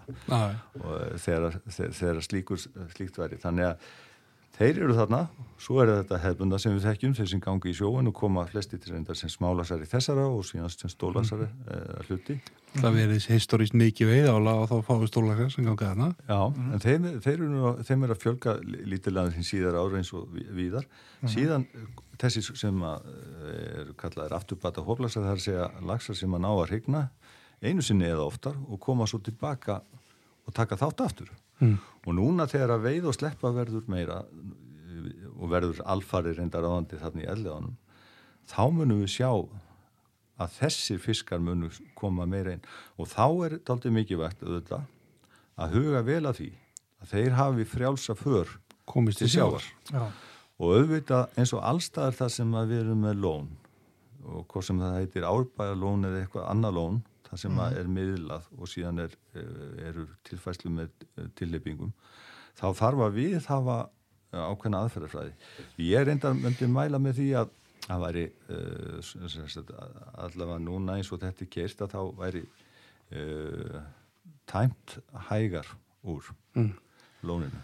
Það, það er, uh, svo er, svo er þetta með hóplaðsson og annað, það getur verið líka aðkvæmt að spá í ymmit að því að það er að breytast eh, umhverju hjá okkur að færa jável þá tæmingu framar og svona því að Er ekki líka merkjum það að það séu í, í svona hlýri árum fleiri sem að lifa veturinn af?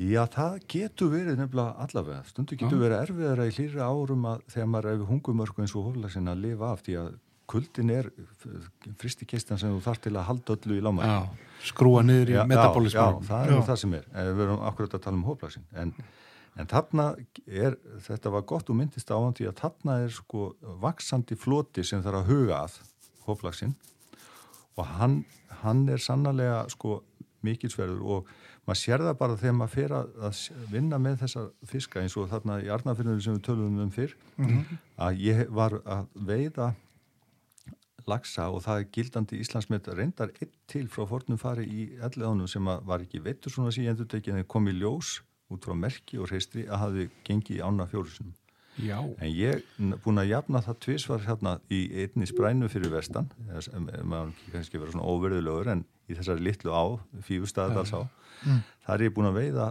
það er greinilega stopp sem að hefur þennan eiginleika Gerir svolítið út af þetta, það er einstaklega stopp með Já, og, og Já. hann þar veit ég til dæmis lagsa þrísvar í röð sjálfur. Og þegar ég veitti þá í fyrsta sinn þá voru þau búin að hrigna einu sinni. Þannig að þetta er ekkit sko spurningum að ég hafi mislesið reistur eða gert eitthvað klúður. Nei, nei. Og búin að halda á þeim. Já, já. og, og þetta, þetta er nefnilega það sem að verður svo frólitt að sjá með ellan og þetta verður einn, sko, ekki minnsti bónusin skal ég segja ykkur. Já. þessi fiskar í veiðinni verða alveg stór skemmtilegir og þessna hef ég mun ég koma með þá tillugu að, að, að sko um leið núna að nota tækifæri þegar að, þegar að þetta fer í gang að það verði mert nægilega mikið hlutfall bara með, við getum bara sagt með einföldum uh, útvortismerkjum sem að... Bara bissu og grænislöngu eins, eins, eins, eins og þeir myndu nú hérna þessir ágætu umsjónum en ána sem að standa sér svo diggilega fyrir mm. hanstangum við félagsins, þeir myndu bara sjá um það að þá væri komið þarna strax alveg stórmerkilegt gagnarsett, það fengist sko Ef þú merkir 100 lagsa og einhver já, x koma tilbaka þá ertu náttúrulega segjum, segjum frekar 200-300 því að já. við svona, viljum hafa þetta og svo, svo hérna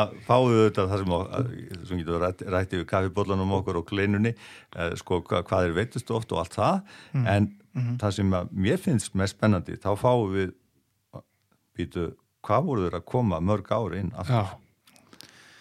Sko þetta er nefnilega spurning sem að ég mynd, Já, mynd, líka, líka það. En, en það sem, ég sé það í teljónum en ég myndi líka því að ég gerði það fyrstu hérna hér á landi og ég leiði mér að segja eins og margt annað að, að hérna að, að nota hérna að nota hérna slöngumerki sem að maður setur inn í það sem ég kallar afkenni er kallað Passive Integrated Transponders. Þannig að hvaða aðili sem er sem að, eins, og, eins og okkar ágætu á hana þarna uh, eftirlitsmennir við eftirlitsmennir svo gott luð uh, myndu merkja eins og þetta er bara eins og hefbundumerki nema inn í því er uh, merki sem að er virkjast ef að fyrir í skanna. Svo eins og þú sittur í kvættiðin Já, akkurat. Og eins og ég er með í urriðum til dæmis upp í Þingvallad byrjaði að nota þar 2008 sem gerir það verkum að í staðin fyrir að merkin vaks úr fiskinum, og er bara eðlilegt þegar maður notar svona eitthvað sem dinglar utan á Já. að þá, þá situr þetta í þeim. Þessuna er maður að sjá eins og þessi 19 ára sem þið sáðu í göngunni í haust, hann, ég merkti hann 2009 já. merki var á sínu stað. Já, en, en þarna myndi þetta vera inn í, inn í merkinu sem að vissulega hefur sitt númer og allt það.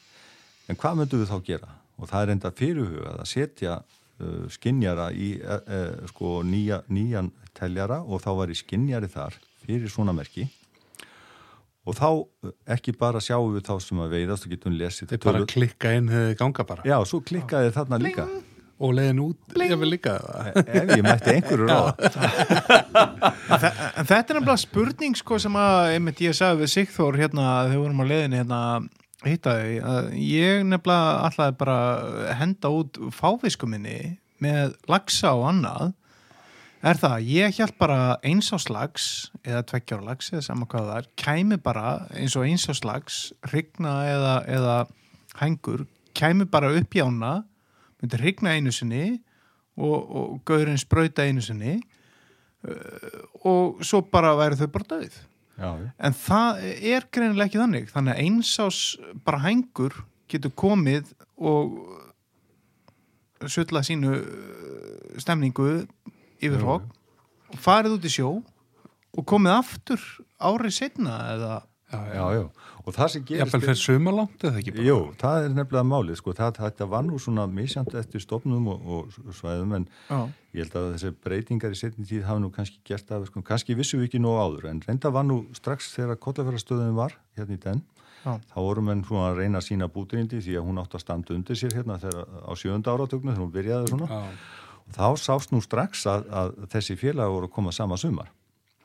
Og svo eh, hefur maður endur tekið leikin og maður var nú hérna að gera þetta til dæmis í bossa og svona ja. og þetta, þetta gatt í bestu árum farið upp í það að ef maður merti einhvern fjölda fiska þá fekk maður 20% tilbaka. Þá sjáum við það. Og það munar um að fá, fá slíkt. En eins og þú segir þeir, þeir, þegar, maður, maður var að læra, læra um þessa fiska og svona og, og áfram gakka þá var svona megimyndin þessi jú, eh, allarsafslagsinn hann áða til eitthvað brota brota að lifa af og koma aftur Já. en ekki, ekki kannski eins og með marga kýraðslags að allir dreifist á lokinu hringu en maður hafði á tilfinninguna að þetta væri meir og minna allt steindöð helst bara snemhendis mm. síðan sér maður það betur og betur að jú, það dreifast einhverjir þarna um hringinguna mm. kannski stærri partur hann nær nú bara að koma sér til sjávar en hann er svona, við getum kallað að lifandi döður, hann er næringarlega þannig í sveitsettu þegar hann fer að hann ásér ekki verið svona von. Bara hann er bara með döðadóminu á bakinu. Já. og þeir eru nú kallaðir eða maður kallar þá ja, við sem erum í þessum rannsóknum kallum þá nú gerna skiptileikla það því að þeir eru ekkert nema hausinn. Og hérna uh, þannig að það er svona misjætt hvernig þeim gengur. En þeir koma aftur og það gildir í þessum öllum að það er eins og hrygnurnar eigi mestan möguleika að, lifa af mm. og því minni sem það eru því betra í runni en Það sem hefur líka komið í ljós er þetta að það er megin myndin á þessu í dag er svo að þeir ganga bara sumalant í sjó og þá möttum maður hugsa með sér já, væri nú ekki doldið gott hjá þeim að vera bara sér lengst og svo þau náðu nú að fyrta sér vel og koma svo bara sent mm. En það er einhvern veginn með þessar skeppnur og þeir nenni ekki að hugsa á þeim nótum sem að maður vil að þeir hugsi, hugsi og, og, og af því að maður var að hugsa sko, hvað var eðlitt í þessu, hverju verður eitthvað tíða sér snemma í átnar því að þeir nenni ekki einu svona sko að helga sér svæði þegar koma? Þeir eru Nei. bara í einhverjum gröð, gröð hér og það sko og svo, svo gera slutundunum höstu þeir eru ekki búin að passa sitt svæði fram á af hverju þá ekki bara koma sent en svona er þetta og það, það er þannig að það er svo makalust að jável þó þau gangi sko oft fara þær út í april en segjum mæ, júni heyrðu þeir geta verið komnið þessum í júli ah. og hver er þá skýringin? Jú, ég kannski í einfalleg sínum bara þessi þeir fara út og þeir, það eina sem þeir eru að hugsa um ef við getum kallað það það er bara þeir fái það sem þið þurfa til að framlega sóknusvil og geta staðið í þessari lísbaratu þarna yfir hrygninguna mm. og, og þegar það er komið í júli þá bara koma þeir tilbaka. Þeir eftir, það er ekki eftir neina að býða þannig að þetta getur verið nýri örfáar vikur. Getum, og sama gildir, þetta er svona orðið eins og hjá sjóbyrtingi, maður er alltaf hálf svektur þegar maður sé fyrstu, okkur gæti ekki verið þarna tvær, fjóra vikur í og bætt á því tvemi kílóum og komið að, sko, aðeins stærri, en þetta er bara sama. Ég man eftir því þverra í borgarferði, ég var þar einhver áttasömmur í leysögn og hérna svona í byrjun ágúst, fyrsta á tíunda ágúst eða eitthvað, kom oft svona á neðstu svæðin sem voru orðin bara sjóbrytíksvæði þannig að það er svona þvist farið að virkilega draga úr því sem var í svona, kom gott skot af svona aðeins stærri smálagsi sko. Já. Já, um kringum 70. Það var alltaf kenningin sko að þetta væru endurkomunlagsar sko. Já, og það er doldið mikið til í því því að menn í hverju á þá þekkja menn uh, smálagsastarðirnar mm -hmm. Og svo þekkja menn hvar stólasinn taka. Við og svo ferðu að sjá svona millistík Já, svona, já, þetta voru mikið svona upp að 74 cm með eitthvað svona Já, já kringu 70 eitthvað. Já, já, svona, já. En svo, svo má ekki gleyma því að, að Og með tálknalús og eitthvað. Já, það er, já, það er einmitt það sem er greiningar sko atriði nummer eitt. En síðan er hitt að þú getur ekki alltaf greinta á starðin eða séð eitthvað mitt og milli því að stundum vaksaði svo ægilega lítið. Já, það er nánast já, ekki neitt. Já. Þannig að maður verður að hafa það í hug 2-3 cm bara. Já og, og jável minna. En, en svona þegar það gengur vel allt upp í tíu. Og það er bara á þessum fáunum vikum.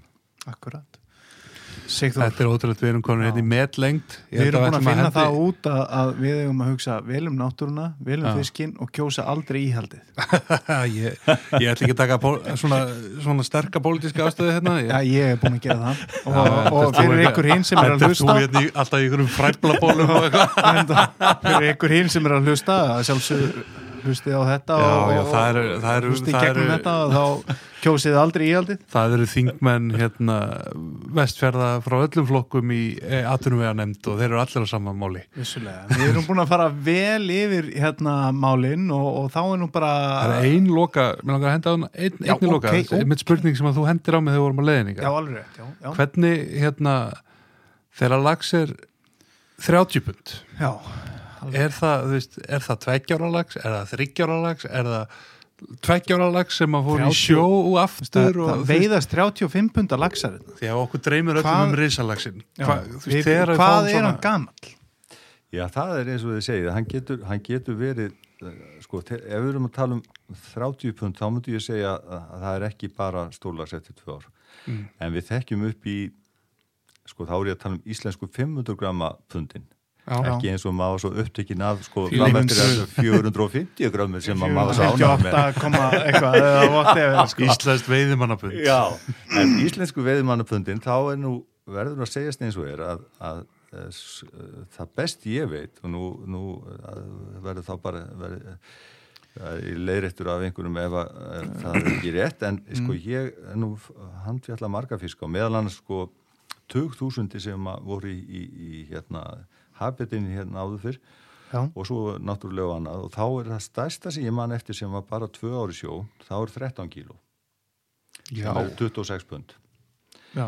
en hinn, þegar maður er komin á hinnaslóðarna, sko, þó sé minna þá, þá möndum maður, sko, strax þegar komið yfir 20 pund, þá rennir mann í grunna einhver hluti að því sé búin að fara oftar en einu sinni sjó Mm.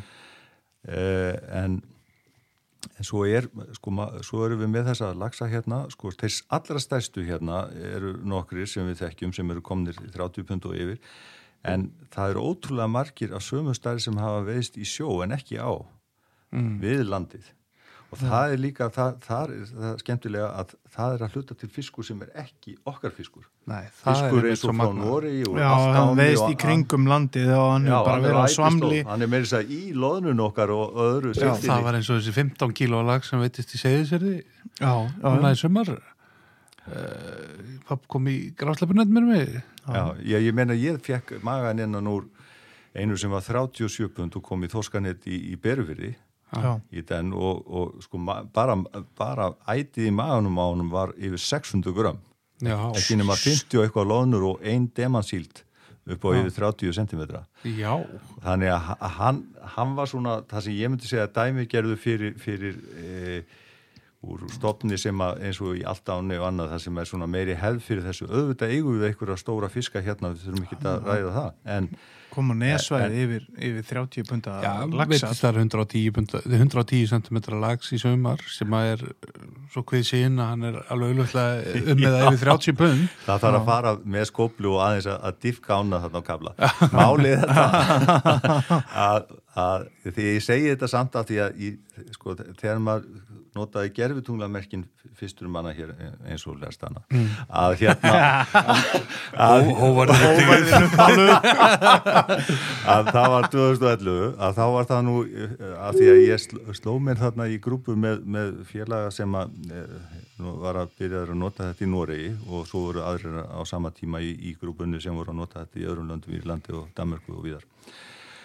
Og það sem kom skemmtilegt fram þar var það að, að fiskar til dæmis allt áni þeir voru komnir hér á ætislóðu Íslandsmiðum á svæðum sem að ég kannast við að það verið veitir af íslenskum sjómunum eitthvað stærri já og við land. Já, já, sunna þannig að sko þetta er bara til að minna okkur á eh, að jáfnvel þó við eh, vikum sjóndeldarhingin og, og tökum fyrir stærri svæði en þingvallavatnið sem að tekið sinn dæmi um áðan hvernig svona heldar nýting þarf ofta að taka miða mörgum uh, þáttum uh, og víða að að þarna erum við með það bara sem við sem við vitum í dag að, að þessi fiskar auðvitað ganga saman í sjónum uh, hvar sem, hvar sem er í allarsafinu og, og þó að sunda þessum upplýsingum hafi komið sent inn eins og til dæmis því ég, ég var með já til dæmis Hjálmari Vilhjáms á Átna Friðris hérna uh, snemma á þessar öld sko uh, með troll að það var í fyrsta skipti sem var staðfest að, að,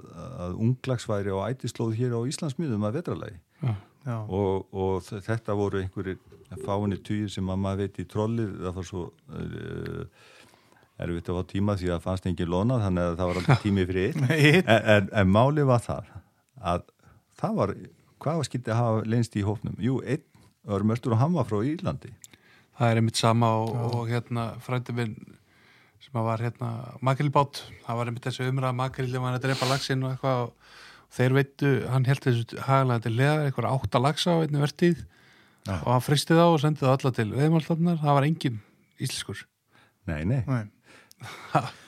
En eigum, eigum við, eigum við sér, hérna, lagsa sem að eru í kringum þetta nála 30 pundurinn sem hafa kannski verið í sjó í þrjú ár eða, Ég- eða gengið og gengið eftir Ég myndi halda frekar sko í Frekar- dag að sé, en auðvitað er ekki tægt að útloka það. Það var þekkt frá fyrir tíu að þetta væri hérna, en það er eins og það sé eh, eitthvað, allavega mm, manni ekki eftir í setni tíð að hafa séð þessi dæmi frá okkar ám, en, en þetta er ennþá í sumu stofnum eins og alltaf stofnir er ennþá, en þetta virðist vera svona að, að minka þessi. Það er ekki líka þekkt eins og í Rúslandi og, og í Finnmörku og eitthvað leiti laxar, mjög stóri laxar sem gangað hausti og rigna ekki verið hausti eftir.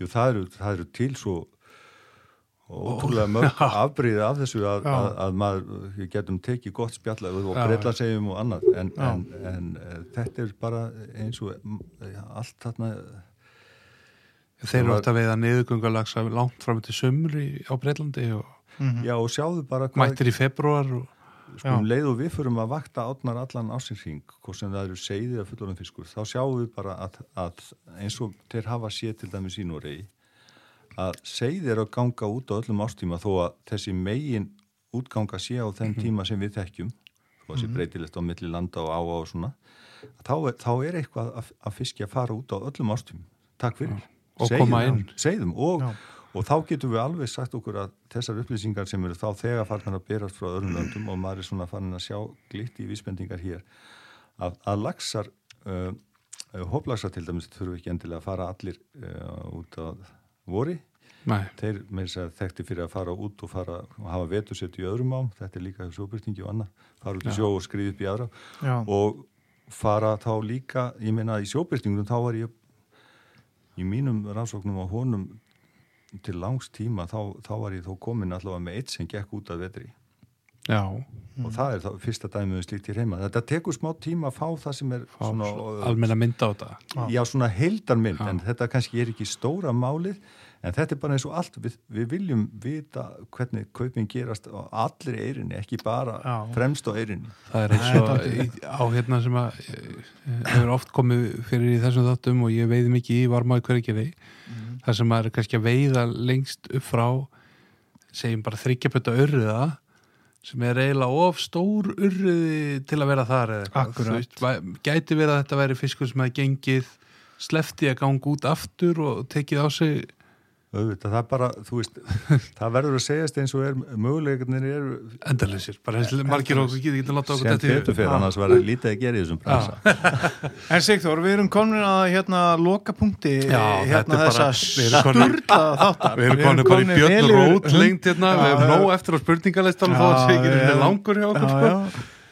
en hérna sko Við þurfum að skipta þessu bara upp í tvend Já, nána sko. Við, er, við erum komin með hérna mann sem er, er, er svona fagurherður Þannig ég reikna með hérna veiðurlægið sé slegir Já, ég, En hann er ekki búin að láta okkur vita hvað lægið er. Við glemdum að spyrja hann að því Þú náttúrulega gerir alltaf ráð fyrir því að það sé slegir og... Ég, hann það sjálfsögðu, ég, er alltaf, ég verð alltaf fyrir vonbröðum ef það er ekki slegir en, en, Já. en hérna við voru, vorum við ekki búin að nefna það við að það er alltaf veiðirlag ég var bara, þau sjáu nú hversu heimóttalegur ég er ég, þe- þe- þetta var ég ekki með Nei, en, en ég, ég veit að umsunum en þáttarins eru svo ábyrgir að þeir munu bjarga mér úr þessum vandræðum og þú, þú ert búin að sé, þú sér nú hver, hvernig þessi Hvar ert í músík? hvað ert í músík? Þetta er, eh, sko, veiðirlagið er það sem að við hérna spyrjum hvernig næsta Hvað að sem kemur á? hva, hva, hvað hlustar á því þú ferði í veiði eða, kannski eða vill ferð aðeins á mér heimildir með sko hérna hársýtina grái liturinn kannski daldi villandi líka en, en, en, en sko ég er nú ekki að segja ég sé sko í ómþýðum strengjum en, en uh, ég er nú ekki alveg svona lítn út kannski fyrir að vera aðeins svona viltari heldur en ég myndi gæta að kjósa að vera kannski Já. meira í þessa ætt en, en, en lægi veit ég ekki hvað ég, hvað ég á Við erum búin að fá alls konar valsa Já, já. hérna á Schubert og Já, alls Já, konar ég er nú kannski sko. ekki alveg komin það, það langt í Nei, þakkaði fyrir Guð almáttur En hérna, hvað, er- eitthvað svona er, er eitthvað svona er einhver músík sem þú þegar þú ert að fara eitthvað, hvað er Hvað hlustar á í bílnum, er eitthvað sem hún setur á? Er eitthvað svona, er eitthvað gisladiskur er eitthvað annarkortið út að fara eða koma úr veiði Ég held að þú sér búin að máta hann að stefni, ég held að hann átti sig á konceptinu. Já, Já, þú ert búin að máta mikið svona, sko, vand, vandamáli hefur yfirleitt verið hjá, sko, og hún í tæki, sko, í bílnum, þannig að ég er nú bara með útastöðarna, þannig að geisladiskarnir og allt þetta er óbætti á gardi, ég er nú alltaf á leiðin að koma mér upp einhverjum græðum, en, en þetta er kveikt á, kveikt á bylgjulestinni en, en, en, sko Förum það bara í eitthvað, í eitthvað konfekt, hvað er hvað ert að hlusta á? Já, hvað er ég að hlusta á? Það eru bara ekki allir að hlusta eða mikið á músík sko, ég, ég, ég er auðvitað sko, af einhverjum svona af einhverju tímabili þar sem að svona, það er einhverjar sko, þetta er, þetta er auðvitað búið að ég er, að, ég er ekki að hlusta á þetta en ég auðvitað var á mínum velmættar árum í pönginu og öllu þessu. Og auðvitað lappaði bara um í leðiðakkanum og hlustaði Áfræðblana, jafnvel? Já, já, já, ég var nú ég nú að, var nú meirins að vinna með einum sem er í fræflunum í dag þannig ég ætti nú að þekka það. Kurjum þá, kurjum Helgi heitir hann. Já, já Þannig að það, það er nú ekki eins og Afstættin eru kópóinum og mikill fræflamæður ég er bara ránkólu augunum minna Það eru kannski komið gulli dækjar við erum afstætt að fá að spila fræflana Er það ekki? Hefur ekki bara klingið þetta út á, á, á fræflana? Jú, ég þetta sko af því að þarna, þú veist, það var, það var nú stællin ámanni meðan maður hafði almeinlega reyvíkjötu þá auðvitað reyði ah. maður sig í þeim takti. Mm -hmm. Hitt verður nú að segja maður bara Aldrei og seint. En já, þú ertu líka henni hérna í þættir um að kalla eftir meiri pöngi frá kollegonum og, Já, ég segi það. og hérna ríkistarsmönunum Ákveðum, maður kallar eftir meira pöngi maður pöngast jável í fólki eins, eins og þið sjáu og, og vitandi þetta og að því að þetta er nú komið alveg á réttan stað að þegar maður svona á sínum velmæltar árum hérna fyrir tvítut uh, var með almennilega reyfigetu og, og, mm -hmm. og, og með fulla hugsun getur við sagt. Að var að hlusta á punk. Hvernig væri þá bara að hrista upp í þessu almennilega með góðu punklegi ég segi það. Ég held að hérna fræflatnir og hérna ljóðu eitthvað. við, við viljum gætnan hafa það í Ísland þetta notum ég var að taka ljóð með fræflanum já það hljóma vel fyrir að auðvitað getur við sett oh, sex pistól eða, eða maður auðvitað fór já, já, viltu sex pistols klass, maður tók, tók það nú aldilis Þú finnur eitthvað vel betri, við hæfið. Hraflarnir betri greinlega og, og Þannig að þetta er ágætt því að það er líka voruð svo fyrkt í manni blóðu, ég held að þetta verður ágætt til aðeins að koma streyminu í ganga og, og þeir sem að hafa frauka hérna næstu í þrjá tíma að hlusta okkur Við hendum í ljóð og þökkum þökkum þau kellega fyrir Já, bara taka yfir verður svona rausnalögur að tímaðin Jóhannes og bara frábært að það Ég þakka bara, þú veist, ég hef nú talaði fullt af fólki, flestir eru löngu búin að gefa stuð upp á mér þegar þessum tíma tala nú ekki um þegar að við klingjum út á þessu. Ljóð með fræblánum takk kærlega fyrir og takk fyrir að koma. Takk kærlega fyrir mig